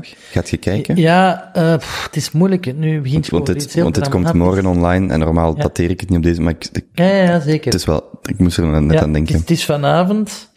Ik heb echt één groot probleem. Mijn, mijn ploeg is vernederd door Bayern München. Voor de mensen die het niet gezien hebben, op welke manier? Dus eh Barça is, is de ploeg van mijn hart. Ook van mijn vader. En ik heb toen aan mijn moeder gezegd, ik ben voor het eerst blij dat hij, dan, dat hij niet meer leeft, dat hem die vernedering niet heeft moeten meemaken. Want eh, het zit, wij zijn niet zomaar salonsupporters, wij zijn Hm. wij, ik ging altijd met mijn papa ook naar de matchen tegen Real kijken. Was hij eh, seizoens... Had hij een Nee, we seizoenskaart hebben of, of met de socio? familie twee... eh, ja, ik ben ook socio, Oké. dus dat is een jaarlijkse bijdrage. Maar dat socio betekent nog niet dat je een zitje hebt, maar in onze familie zijn twee zitjes. Wie wil gaan, laat het weten en kan gaan. Dus ik ging met hem, zeker twee à drie wedstrijden per jaar, gingen wij tegen Real vooral. Ehm, en Espanyol, ook een vijand. En dan Champions League. eh. Dus maar bon, eh de ploeg is in totaal verval. En ze is afgedroogd met eh 2-8. En in die mate dat mijn oppergod, Messi, nu zelfs denkt aan vertrek, wat dat ondenkbaar is. Hm. Ehm, en dus om op uw vraag te antwoorden, PSG kan ik niet uitstaan, omdat Neymar daar speelt. En Neymar is een soort Verrader. verrader, struikrover die Barça heeft verraden. Hem de vanavond de Champions League zien winnen, betekent gouden bal, Messi overstijgen en met een ploeg die... Dus PSG en Barça hebben heel slechte contacten. In die mate Want dat elkaar... technisch directeur, of wie is van... P- Al-Khalifi is de, van PSG. Hm? En eh, die clubs... Barça heeft, dat noemen ze La Gran Remontada. De, hoe zeg je dat, opflakkering? Of, allee, wij, wij hebben eens zwaar achtergestaan tegen PSG. En Die Sergio Roberto 4-0. heeft in de laatste seconde op pas van Neymar... Hm. eh, Was dat die 6-1 terugmatch? ja, Ja. ik denk 6-1 of 6-2. In ieder geval, Neymar heeft hem eh, zijn pas, Sergio Roberto maakt af. En toen heeft Qatar, want PSG is een, een, in handen van Qatar, daar heeft eh, iemand aan de top gezegd, die pakken we af. En ze hebben hem echt gestolen van Barça. De clausule was toen niet zo hoog als ze nu zijn. En dat heeft ons in diepe rouw eh, maar nu, om dan even het verhaal af te maken, dat is voor de niet-voetbalfans niet interessant, maar ik moet vanavond kiezen tussen de Duits, dat ons heeft vernederd tot in onze schoenzone, 2-8, dat is nog nooit gezien, Hm. of Neymar, dus ik, ik weet het niet, ik, ik weet niet wie dat moet winnen. Ik, Gaat je, niet. gaat je kijken wel. ik ga kijken, maar ook niet in de zin van, en sorry voor alle voetballiefhebbende mensen, maar zonder publiek, ik kan dat niet aan. Ik, Ik moet ook weiger ook Hm. te- een regisseur die daar geluiden op, dat is niet echt. Ja, want ik, ik volg normaal de Champions League ook vrij intens. Maar ik heb het dit jaar, ik, ik wist zelfs, ik zag toevallig, ik deed mijn Sporza, ik deed Sporza op en ik zeg, ah, gisteren was Barcelona, Ja. Bayern en ook eh, Lyon, eh, was het? Eh, PSG. Ik, ik wist het zelfs niet, terwijl ik het normaal wel Het is niet meer volg. echt, hè. Ja. Maar oké, het is dit of niks. Ik, ik, ik word er niet blij van. Hm. Ik ga graag naar de... Ik vind dat echt fijn. Ja. Hoe gaat het verder met Barcelona? Heel slecht. Nu, ik lees dagelijks, dat, dat is echt eh, erg, maar ik lees dagelijks eh, Mundo Deportivo. Dat is een eh, Spaanse, Catalaanse sportkrant. Fysiek of digitaal? Eh, iPad. iPad. Hm. En dan Sport, dat is de andere krant. Dat zijn twee kranten van, van bij ons, die dat totaal subjectief bericht geven over de club. En dan lees ik Marca. Ik wou net vragen, Marca ook is de Marca. Vijand. Ehm, De Madri- ook de Madrileense krant. de Madri- ja, de krant van Madrid. En dan heb je in België ook, maar ik ga zijn naam niet vermelden, maar hij zal het zelf wel weten. Een journalist die daar extreem real van is en zeer subjectief eh, bericht geeft over alles wat rond Real en Barça hangt. De toekomst van Barcelona.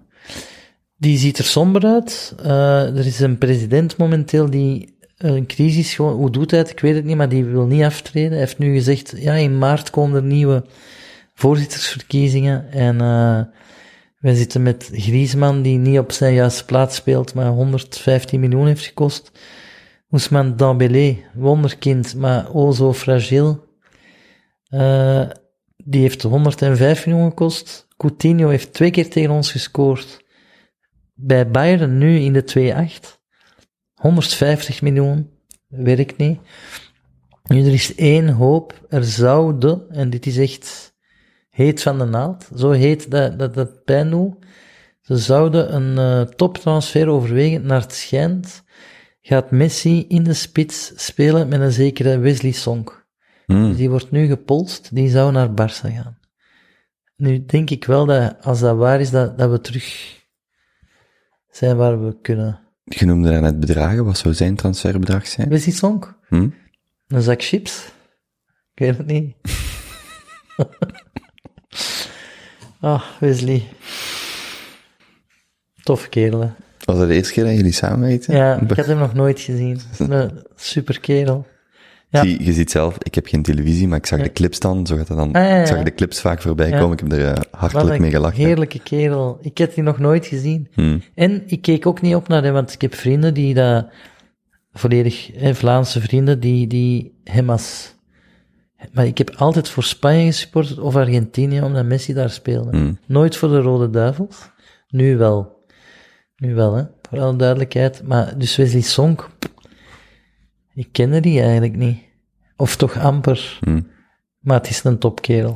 Ik heb als eh, jongetje, want wij gingen eigenlijk niet zo vaak naar de voetbal in, in Genk. Ehm, maar wij zijn meegegaan en er is een 2001, 2, 3 heeft Racing Genk eh, KV Mechelen afgedroogd. Ik denk Wesley. 9-1 of 10-1. Oh, wauw. Dat was een van mijn, ik denk dat dat zelfs mijn eerste, want dat zit zo visceraal in mijn geheugen. En daar heeft Sonk drie of vier keer Wauw. gescoord, of vijf, ik, ik herinner, dat was de tijd van Bernd Thijs en Sonk en die, allee, Ja. als ik het mij goed herinner. En dat was een van mijn eerste matchen, dat zit zo, want ik moet toen 10, 11 jaar oud geweest zijn.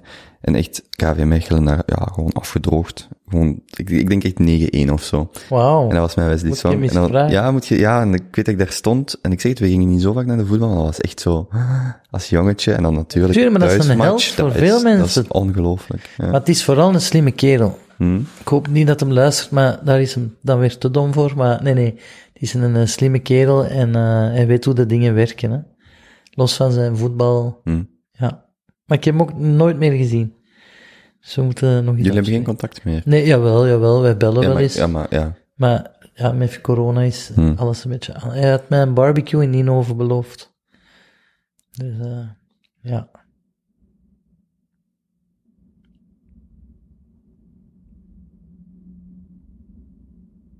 Eh, ik was even aan het denken, ja, verder over die programma's die er nog staan, of, eh, ik wou eigenlijk sowieso nog vragen, hoe komt je, ehm, terug van al die reizen? Wat was dan, hoe pikt je die draad verder op?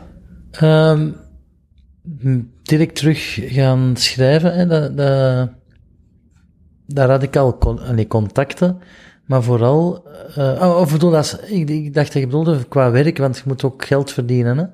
Ja, Maar, dat, maar vooral, ja, ik voelde me heel opgeladen en ik had heel veel mensen leren kennen. Dat zijn nog altijd vrienden, Nieuw-Zeelanders, Zuid-Afrikanen. Ik heb een heel eh, rijk palet aan vrienden verspreid over de wereld. En ik noem dat echte vrienden, we hebben veel meegemaakt. Hè. Hm. Met een Nieuw-Zeelander heb ik eh, lang in Azië rondgetrokken. Dat is nu, ik heb hem vandaag nog gefacetimed voor zijn verjaardag. Eh, dus, dus ik ben teruggekomen met heel veel vriendschappen. Eh, mijn talen ook, dat heeft heel goed gedaan. Allee, weinig Vlamingen tegengekomen. Nu zijn ze met meer, maar vroeger klink als een heel oude man. Vroeger, maar nee, ik heb nul, ik heb één Vlaming ontmoet op, op al mijn reizen in, eh,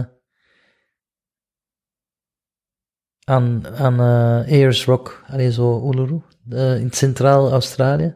Dat is een enige dat ik ben tegengekomen. En die ben ik later eens op de Meijer tegengekomen. Hm. En ik liep erachter, hey, weet... En die was totaal niet onder de indruk. Die had iets van, zo wat dat we elkaar... Allee, maar voor mij was dat shocking, hè? Een Vlaming in het midden van Australië. Maar eh, nee, dus ik heb heel veel vrienden gemaakt. Ik heb eh, geleerd om voor mezelf op te komen. Zelf beslissingen. En ik vind dat dat is een enorme school, wat mij betreft. Je moet het zelf doen. Hè? Niemand gaat u.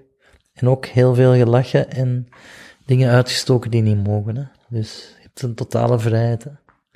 In Australië dan. Ja, elke reis. Hè? Allee, Hm.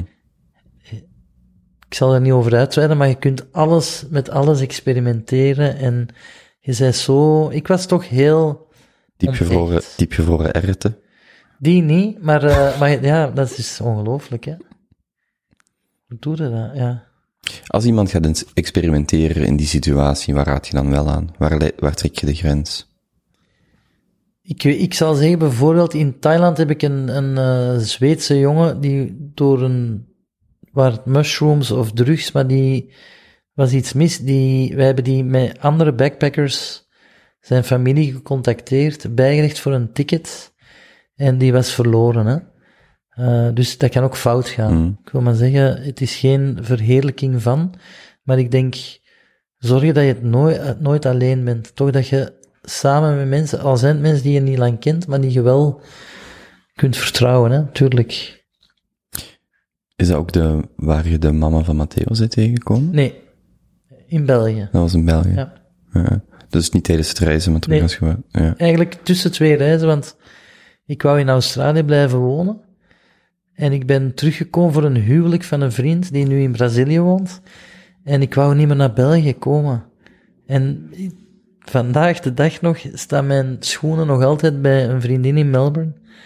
Eh, Jill, eh, die af en toe mailt wanneer komt jij je schoenen aan. Mm. Maar ik had alles daar gelaten, omdat ik dacht, weet je, ik laat dat hier, dan moet ik zeker teruggaan. Ik ga even over en twee voor een trouw. En Hmm. dan moet ik, ik weet nog welke schoenen en al. En eh, wat spullen. Die staan er nog altijd. Ik zou ze eens moeten gaan halen. Ja. Want je bent dan voor huwelijk teruggekomen, maar dan ook direct hier gebleven. ja, dan ben ik, eh, ben ik hier gebleven. Dan heb ik de mama van mijn oudste zoon ontmoet. En dan ben ik gebleven. En ik ben nooit meer teruggegaan.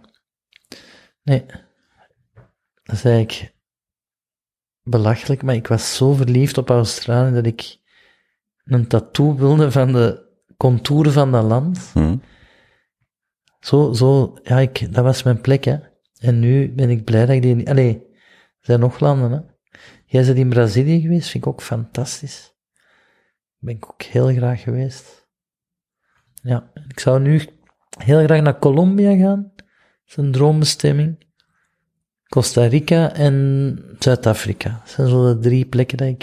Je hebt het, is dat dan het fout, de foute conclusie dat je het vooral buiten Europa zoekt? Ehm, met ons busje rijden wij door heel Europa. Dus, Mm. dus nee, ik vind Europa ook fantastisch. Maar zo nog eens. Het is wel zo dat ik heel veel de laatste tijd heb gewerkt. En met de laatste tijd bedoel ik de laatste 15 jaar. Weinig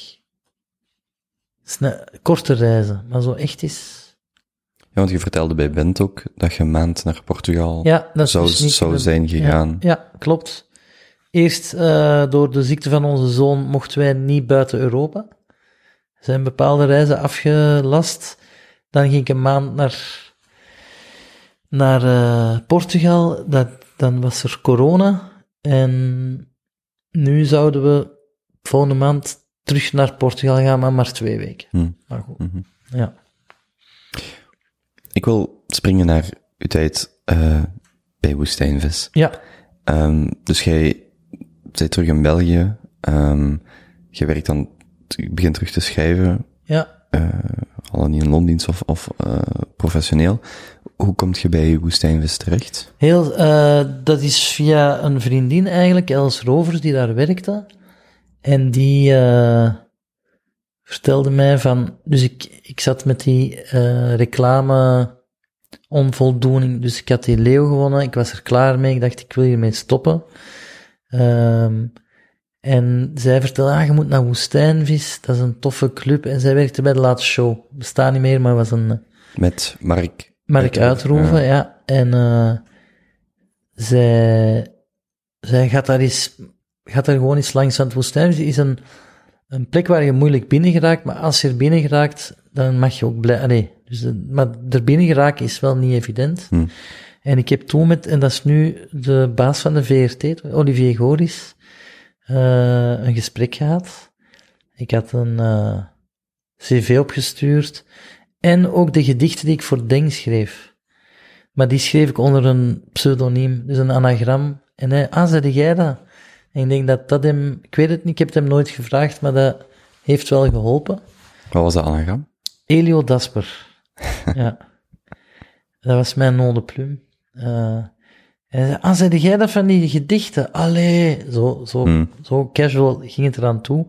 En dan moest ik eh, een aantal man bij het hond eh, ideetjes bijeenpennen als vuurdoop. En dan heb ik een week lang, ik, ik had opgezocht waar de krantwinkel was die het eerst openging in Antwerpen, die een krant had. Zodat ik meer tijd had, want ik moest het wel indienen voor, ze wil- wilden zien of je snel Hm. uit de actualiteit iets tv-waardigs kon puren. Dus ik had gezocht, daar kan ik snelst de krant. En dan heb ik een week lang eh, ideeën eh, rond het programma doorgemaild. En na een week zijn, je mocht, eh, je mocht afkomen. En dat was dan als redacteur. Als redacteur voor eh, De. Slimste Mens. Mhm.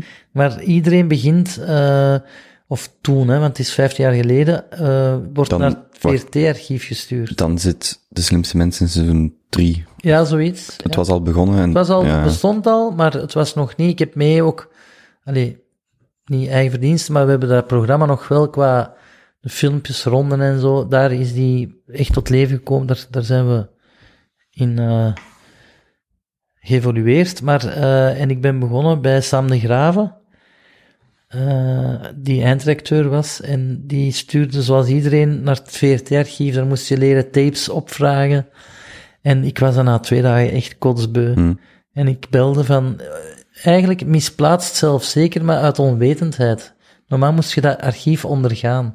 En ik belde na twee dagen, ik zeg, sorry, maar ik wil schrijven, ik wil hier niet tapes opvragen en de- scrollen. Dat was zogezegd die mesthoop van daarvoor. De- dat, Dat is weer de mesthoop. Mhm. Maar ik snap het wel. Je leert uit een berg informatie iets. Dus ik snap eh, de doctrine van het eh, archief. Maar, maar ik was, dat vindt mijn vrouw vindt mij zo zelfzeker en opkomend voor wat ik denk dat ik goed kan. Ik denk vooral dat ik handel uit onwetendheid. wacht, werkte Ja. zij daarvoor? Nee, nee, plaats? nee, nee. Maar, ehm, en ik heb gebeld en dan zei Sam, schrijf dan een script voor het slimste mens eh, aflevering. Allee, werk daaraan. En dan heb ik s'avonds, eh ik rookte nog, een pak sigaretten, een laptop, tokkelen en de volgende dag zei we, mogen beginnen. Wacht, en wat was dat script dan? Want Dan moest ik eh, het script stofferen met kwinkslagen en vragen bedenken, ook vragen verzinnen, de, de invalshoek bedenken voor een vraag. En dat ging mij goed af en dat is nooit gestopt. Ik denk dat ik het tien seizoenen heb gedaan. Met heel veel plezier. Maar wel gecombineerd dan met scheiden en de schepping. En dus ook zelf programma's verzinnen. Samen met een groep vrienden. Dus ja, dat is een, eh, een Wo- Woestijnvis is gewoon een heel fijn huwelijk voor mij. En, dus je zit daar, ehm, het was wel, ze hebben u niet uit vriendendienst aangenomen, het was wel, Nee. je werd ook wel gewoon goed genoeg om er te beginnen. Dat, dat durf ik zelfs Hm. eh, bevestigen. Ja, ik ben geïntroduceerd door eh, Els Rovers, een vriendin. Eh, maar dan moet je natuurlijk, nee, je zit daar met figuren als Jan Elen en, allee, het is niet de bedoeling dat ze dan mensen gaan aannemen die geen kans maken om, om er te geraken. Hè? Mhm. Hoe kijk je nu terug op die periode, die tien jaar bij de slimste mens? Eh, tien, het zijn tien seizoenen, dus tien, Ja. tien jaar, maar ik heb, ik heb ook veel andere dingen gedaan. Hè. En ik had al snel, eh werkte op de laatste show. Wacht, mag ik mijn vraag, Ja, ik ga, want ik, ik wil eigenlijk een andere vraag stellen, maar ik heb hem niet goed Doe maar. gesteld. Ik, ik wou dat daar straks al vragen, in die, waar je vandaag staat, wat eigenlijk de, voor u de meest leerrijke periode was, waar je geleerd hebt, en dat is eigenlijk tweeledig, want deels is het voor u als persoon, en ik kan me voorstellen dat die reizen daar zeer belangrijk zijn geweest, maar ook professioneel, omdat mensen, bijvoorbeeld als ik, als ik zei, hè, Pedro komt langs, kreeg ik vaak de vraag van, ah, ik ben eigenlijk wel benieuwd, of dan zeiden mensen vaak, ik ben eigenlijk wel benieuwd, hoe komt die ineens, ineens staat, zien we die op ons scherm, maar van waar komt die eigenlijk? En, en dat was Ja. de, de achtergrond van die vraag. Misschien dan professioneel als persoon, waar je dan die, de, de, de periode dat je ook, ook hebt geleerd, of misschien merkte van, amai, ik kom uit die reclamewereld, ik dacht dat het dat was, maar dat is het niet, nu zit ik hier, en dit is het wel zo, dat is voor de achterliggende, de, de gedachte achter die vraag. Dus ehm het is natuurlijk achterom kijkend, maar in de reclame heb ik geleerd om heel snel te kunnen schrijven. Korte tijd een, een, een gebalde boodschap overbrengen. Daarna moest ik voor de slimste mens schrijven. Ja, dan had ik die metier, zonder dat ik het wist. Eigenlijk is alles wat ik heb gedaan een voorbereiding geweest voor wat ik nu doe. Maar in mijn geval zonder strak uitgekiend plan. Dat is puur organisch zo gegaan. Maar elk stapje heeft geleid tot waar ik nu zit. En, en natuurlijk, de woestijn is koepel. Ik heb met Kamagurka gewerkt. We hebben, lang, eh, we hebben jarenlang samen getekend. Ehm, ik heb eh, een boek geschreven onder de woestijnvisvlag. Eh, dus dat vind ik fantastisch. Onder die koepel, dat is voor mij gewoon een speeltuin. hè. Dus Het is niet alleen een redactie voor dit programma. Je mag heel, ik heb van alles geprobeerd, ook dingen die het scherm niet hebben gehaald. En misschien maar goed ook. Ja, ik vind dat een speeltuin. Waren die dingen dan, als je daar, als je daar nu op terugkijkt, was dat dan, um, ging je dan sowieso terechtkomen waar je vandaag zit? Ook al, ook al was dat onbewust, was dit wat je vandaag doet, een, ja, een positie waar je uiteindelijk sowieso in zou terechtkomen? Of is het Eh, totaal komt op niet. je pad? Gewoon? Nee, dus eh, ik heb nooit, dat, dat is wat ik wil zeggen van, ik zeg dat nu altijd tegen mijn kinderen. Ehm, en wij, wij fietsen dan en mensen herkennen mij of wuiven of, en ik kan aannemen dat mijn kinderen denken, ah, is dat leuk? Of ik, ik zeg altijd, mannetjes, dat gaat voorbij, dat is super vluchtig. Ik ga er altijd vanuit, volgend jaar is dan iemand anders enzovoort. Dus ik hecht er eigenlijk, ik haal er energie uit. Ik ben er fier op dat mensen het leuk vinden als ik iets doe. Uh, maar uh, ik kan het heel goed relativeren. Het is van voorbijgaande aard. Wat altijd zal blijven is schrijven, is dingen maken. En ik heb het heel lang als redacteur gedaan. Ik heb nooit het plan gehad of de ambitie, en dat is echt niet vals bescheiden, om ook nog eens op tv te komen. Hmm. Nooit. En dat is misschien, had ik het veel eerder al kunnen hebben. Maar ik was heel blij als redacteur. Ik kon mij uitleven. Uh, en ik had na mijn uren nog een hele, allee, en nu is het, dat is een bijkomstigheid, maar ik zie dat echt als iets tijdelijks. En ik ga nu, we hebben een, een ik vind het een mooi scenario geschreven. Onze reeks komt er ook. We hebben vafsteun gekregen. Dus dat is niet, allee, hij wil ook eens een reeks schrijven. Dat ligt gewoon in de lijn van mijn talenten, van mijn echtgenoten, uh, dat het iets met schrijven moet zijn. En daar ga ik altijd op kunnen terugvallen. Dus op dat vlak ben ik heel, media is, is heel, veranderlijk en de ene dag zei dat de shoe en dan niet meer en dan komen er nieuwe en ik denk dat ik daarop, ik ben daarop voorbereid. Ik hecht er niet te veel aan. Ik geniet er wel van in het moment en daarna ga ik terug naar mijn, ik ging zeggen tekentafel, maar naar mijn schrijftafel en hopelijk kan ik nog heel oud worden en leven van mijn pen. Dat is toch mijn droom. Ja. Maar ik vind het leuk, voor alle duidelijkheid. Mm -hmm. Ik maak graag tv-programma's, hè? sowieso. Maar... Neem aan als je er jaren rondom hebt gewerkt, of van, achter de, van een positie achter het uh, podium, dat je ook gewoon heel veel gezien hebt en dat je zegt van oké, okay, dit is die vergankelijkheid of die van ja. voorbijgaande aard. Geniet ervan, maar, maar dat is niet de kern van wie dat je bent of wat je doet. Zeker niet de kern en ook, we leven nu ook in tijden dat iedereen beroemd is. Hè? Allee, ik bedoel, dus ik vind dat, en ook, het is, ik ben een van de zoveel die tv-programma's maakt en ja, ik ben daar niet, ik vind het veel belangrijker dat ik zelf uh, tevreden ben over wat ik maak en mijn, mijn vrienden en familie. Zo.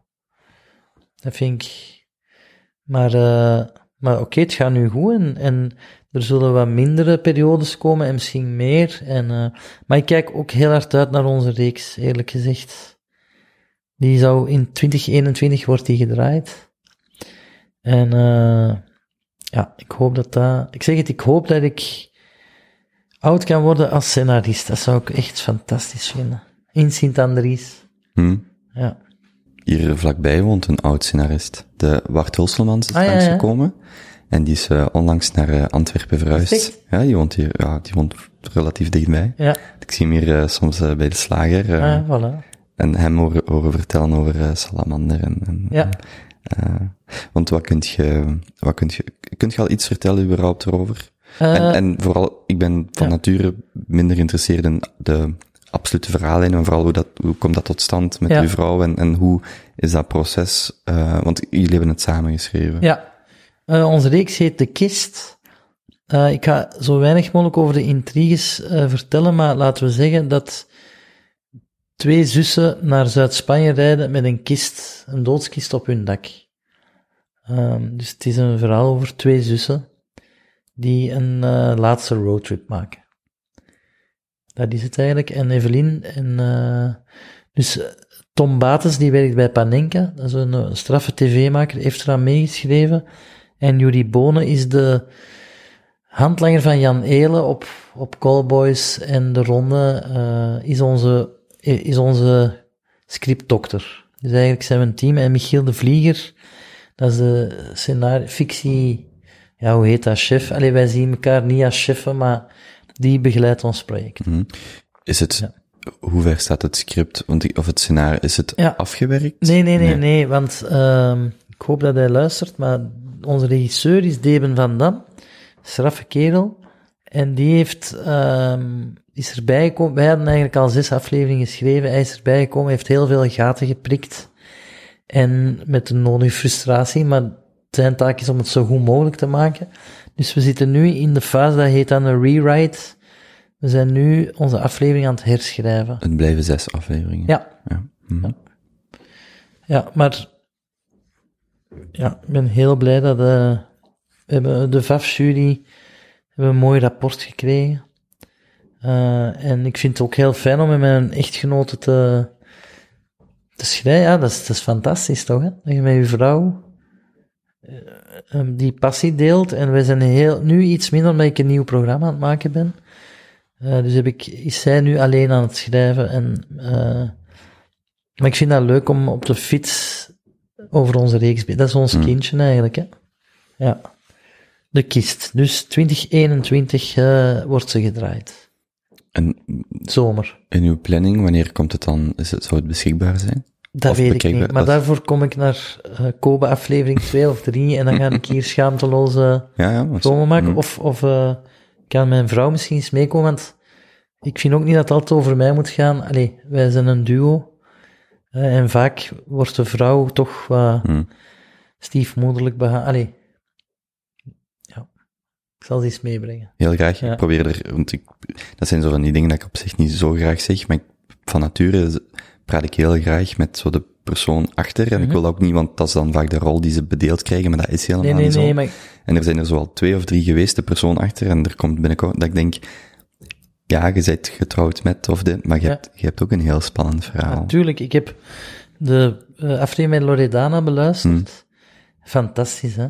Want dat, dat hebben wij niet gedaan nu, maar dat kan nog komen. Maar eh, ik ken haar persoon niet heel goed of zo, maar ik weet wie ze is natuurlijk. Eh, maar die, ge, dankzij de podcast zat ik in Italië. Ik vond dat Hmm. fantastisch eh, geëvokeerd. Van, en dat, wij hebben nog niet veel over mijn achtergrond, maar dat maakt niet uit, want die gesprekken zijn, ja, dat is zo leuk aan, u, aan uw podcast. Het is geen vast, vaste lijn dat we moeten volgen. hè. Mhm. Maar bij Loredana vond ik het heel fijn dat, eh, hoe ze vertellen over haar grootouders en ook de, ik ben geen koffiekenner, maar Mhm. er is maar een uur tot wanneer je, Ja, ja, de cappuccino's. die, dat eh, vind ik heel leuk, eh, mhm. los van dat zijn straffe madame is met haar eh modelabel, hè. Misschien, Ja. ik kijk even op de, ik kijk even op Ja. de klok, ehm, want er was nog, eh, die moet, die zou ik, moet ik in het oog houden. misschien moeten we dat gewoon laten voor, een- voor een tweede babbel, want inderdaad, ehm gelijk de, de achtergrond en de manier waarop Loredana daarover vertelde en waarop jij ook al nevenlangs over uw vader praatte, dat, dat druipt er vanaf of dat, dat, dat, ja. straalt dat af. Ehm heel graag. Misschien moeten we dat gewoon voor een, eh, een tweede rustige babbel hebben, eh, of overhouden. Ehm ehm en, en wat meer daarop focussen als jij goesting hebt eh, om eens terug te komen. Zeker, zeker. Ik vind het heel, heel leuk en ik begint het, allee, ik vraag me dan af, is het fijn voor een luisteraar? Allee, Hmm. we, we gaan van hier naar, naar Bayern München en er zullen plekken zijn dat mensen misschien minder eh, boeit, maar ik denk, over afkomst praten kan je niet genoeg doen, denk ik. Hmm. Ik denk dat, en dat hoeft niet exotisch te zijn, maar ik vind altijd, ook naar de aflevering van jou of andere podcasts, zoals Mark Maron, van waar kom jij? Die, die basisvragen. van, dus, eh, dus die kunnen we misschien, ja.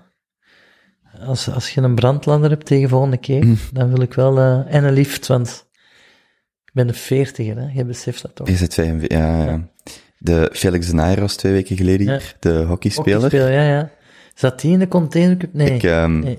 ik, ik kan u zeggen, er is niemand ooit sneller boven geweest als hij. Ongelooflijk. Want meestal gaat de bel en dan heb ik nog Ja. tijd. Ik, Ja, ja, ja. Je dan kunt nog op een douche pakken en je zo. grondbelasting in betalen. Ja, voilà. En Felix, die, die was echt, ja, die stond denk ik op zeven seconden boven of zo. dat- was, ik vond dat, ik vond dat hilarisch. En hij had het zelf niet door, denk ik. Dat je je gast kunt afleiden aan het tempo dat hem naar boven komt en de geluids...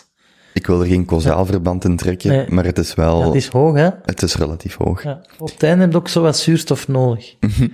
De mensen voelen zich, ik zie meestal die blik op hun, op hun gezicht, dat ze zich wat slecht voelen, dat ze zo, ik zo, geen probleem, zet je rustig neer. Het is wel zo, in uw geval, je gaat niet snel even naar buiten voor een drankje in de nachtwinkel, hè? Of wel? Voor mij went het wel, Ah, ja. maar, Pittig, hè? en ik vind het ook wel, ik vind het ook wel leuk. Maar bijvoorbeeld over laatst zei iemand, en daar denk je dan, ja, eh rolstoelgebruikers, bijvoorbeeld mensen die slechte been zijn, is veel moeilijker. Nee, die geraken Ja. hier gewoon nooit boven, hè? Maar bijvoorbeeld mijn, mijn grootmoeder is 92, Ja. die is op de housewarming naar hier gekomen, maar dat was toch, dan denk je zo van, ja, inderdaad. Is die helemaal naar boven gekomen? Ja, en haar zus van 94 ook. Sorry, mijn grootmoeder is fantastisch. 90 en haar zus van 93 toen. Ja, ja, eh, eh, Dat is kei schattig ook. ja. De oma naar uw housewarming, ja. ja. ja. Ik had zo, ik had hier een dag gepland, dus om 4 uur de familie. En dan vanaf 7 of 8 uur de vrienden op 22 februari. Dus dat was nog drie weken voor de lockdown. Toevallig.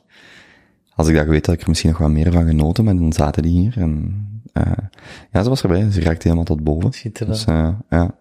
Maar ik zou dat graag, ik hou dat wel graag voor, eh, voor een tweede babbel, die Ja. afkomst en daarover Ik, praten. ik, zal, ik kom zeker terug. We zijn nog niet uit eh, verteld. Ah ja, wacht, want dat wou ik net nog, Ja. daar, daar dacht ik aan.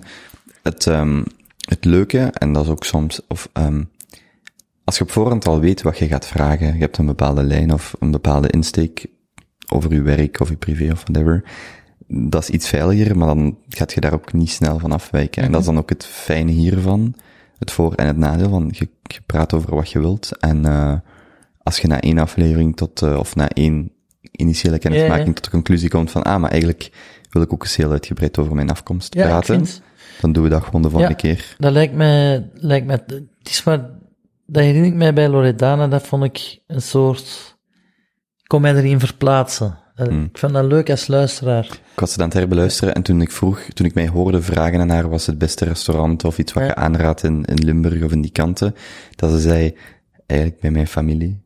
toen dacht ik echt, toen, toen, toen ik het aan het herbeluisteren was, dacht ik, ja, toen kon ik het mij zo voorstellen. Ehm nee, maar is goed, dan gaan we, dan wel, gaan we het daarbij houden en dan, Heel goed. Zeer Dank u om mij te vragen. En eh, ik kom zeker terug. Ja.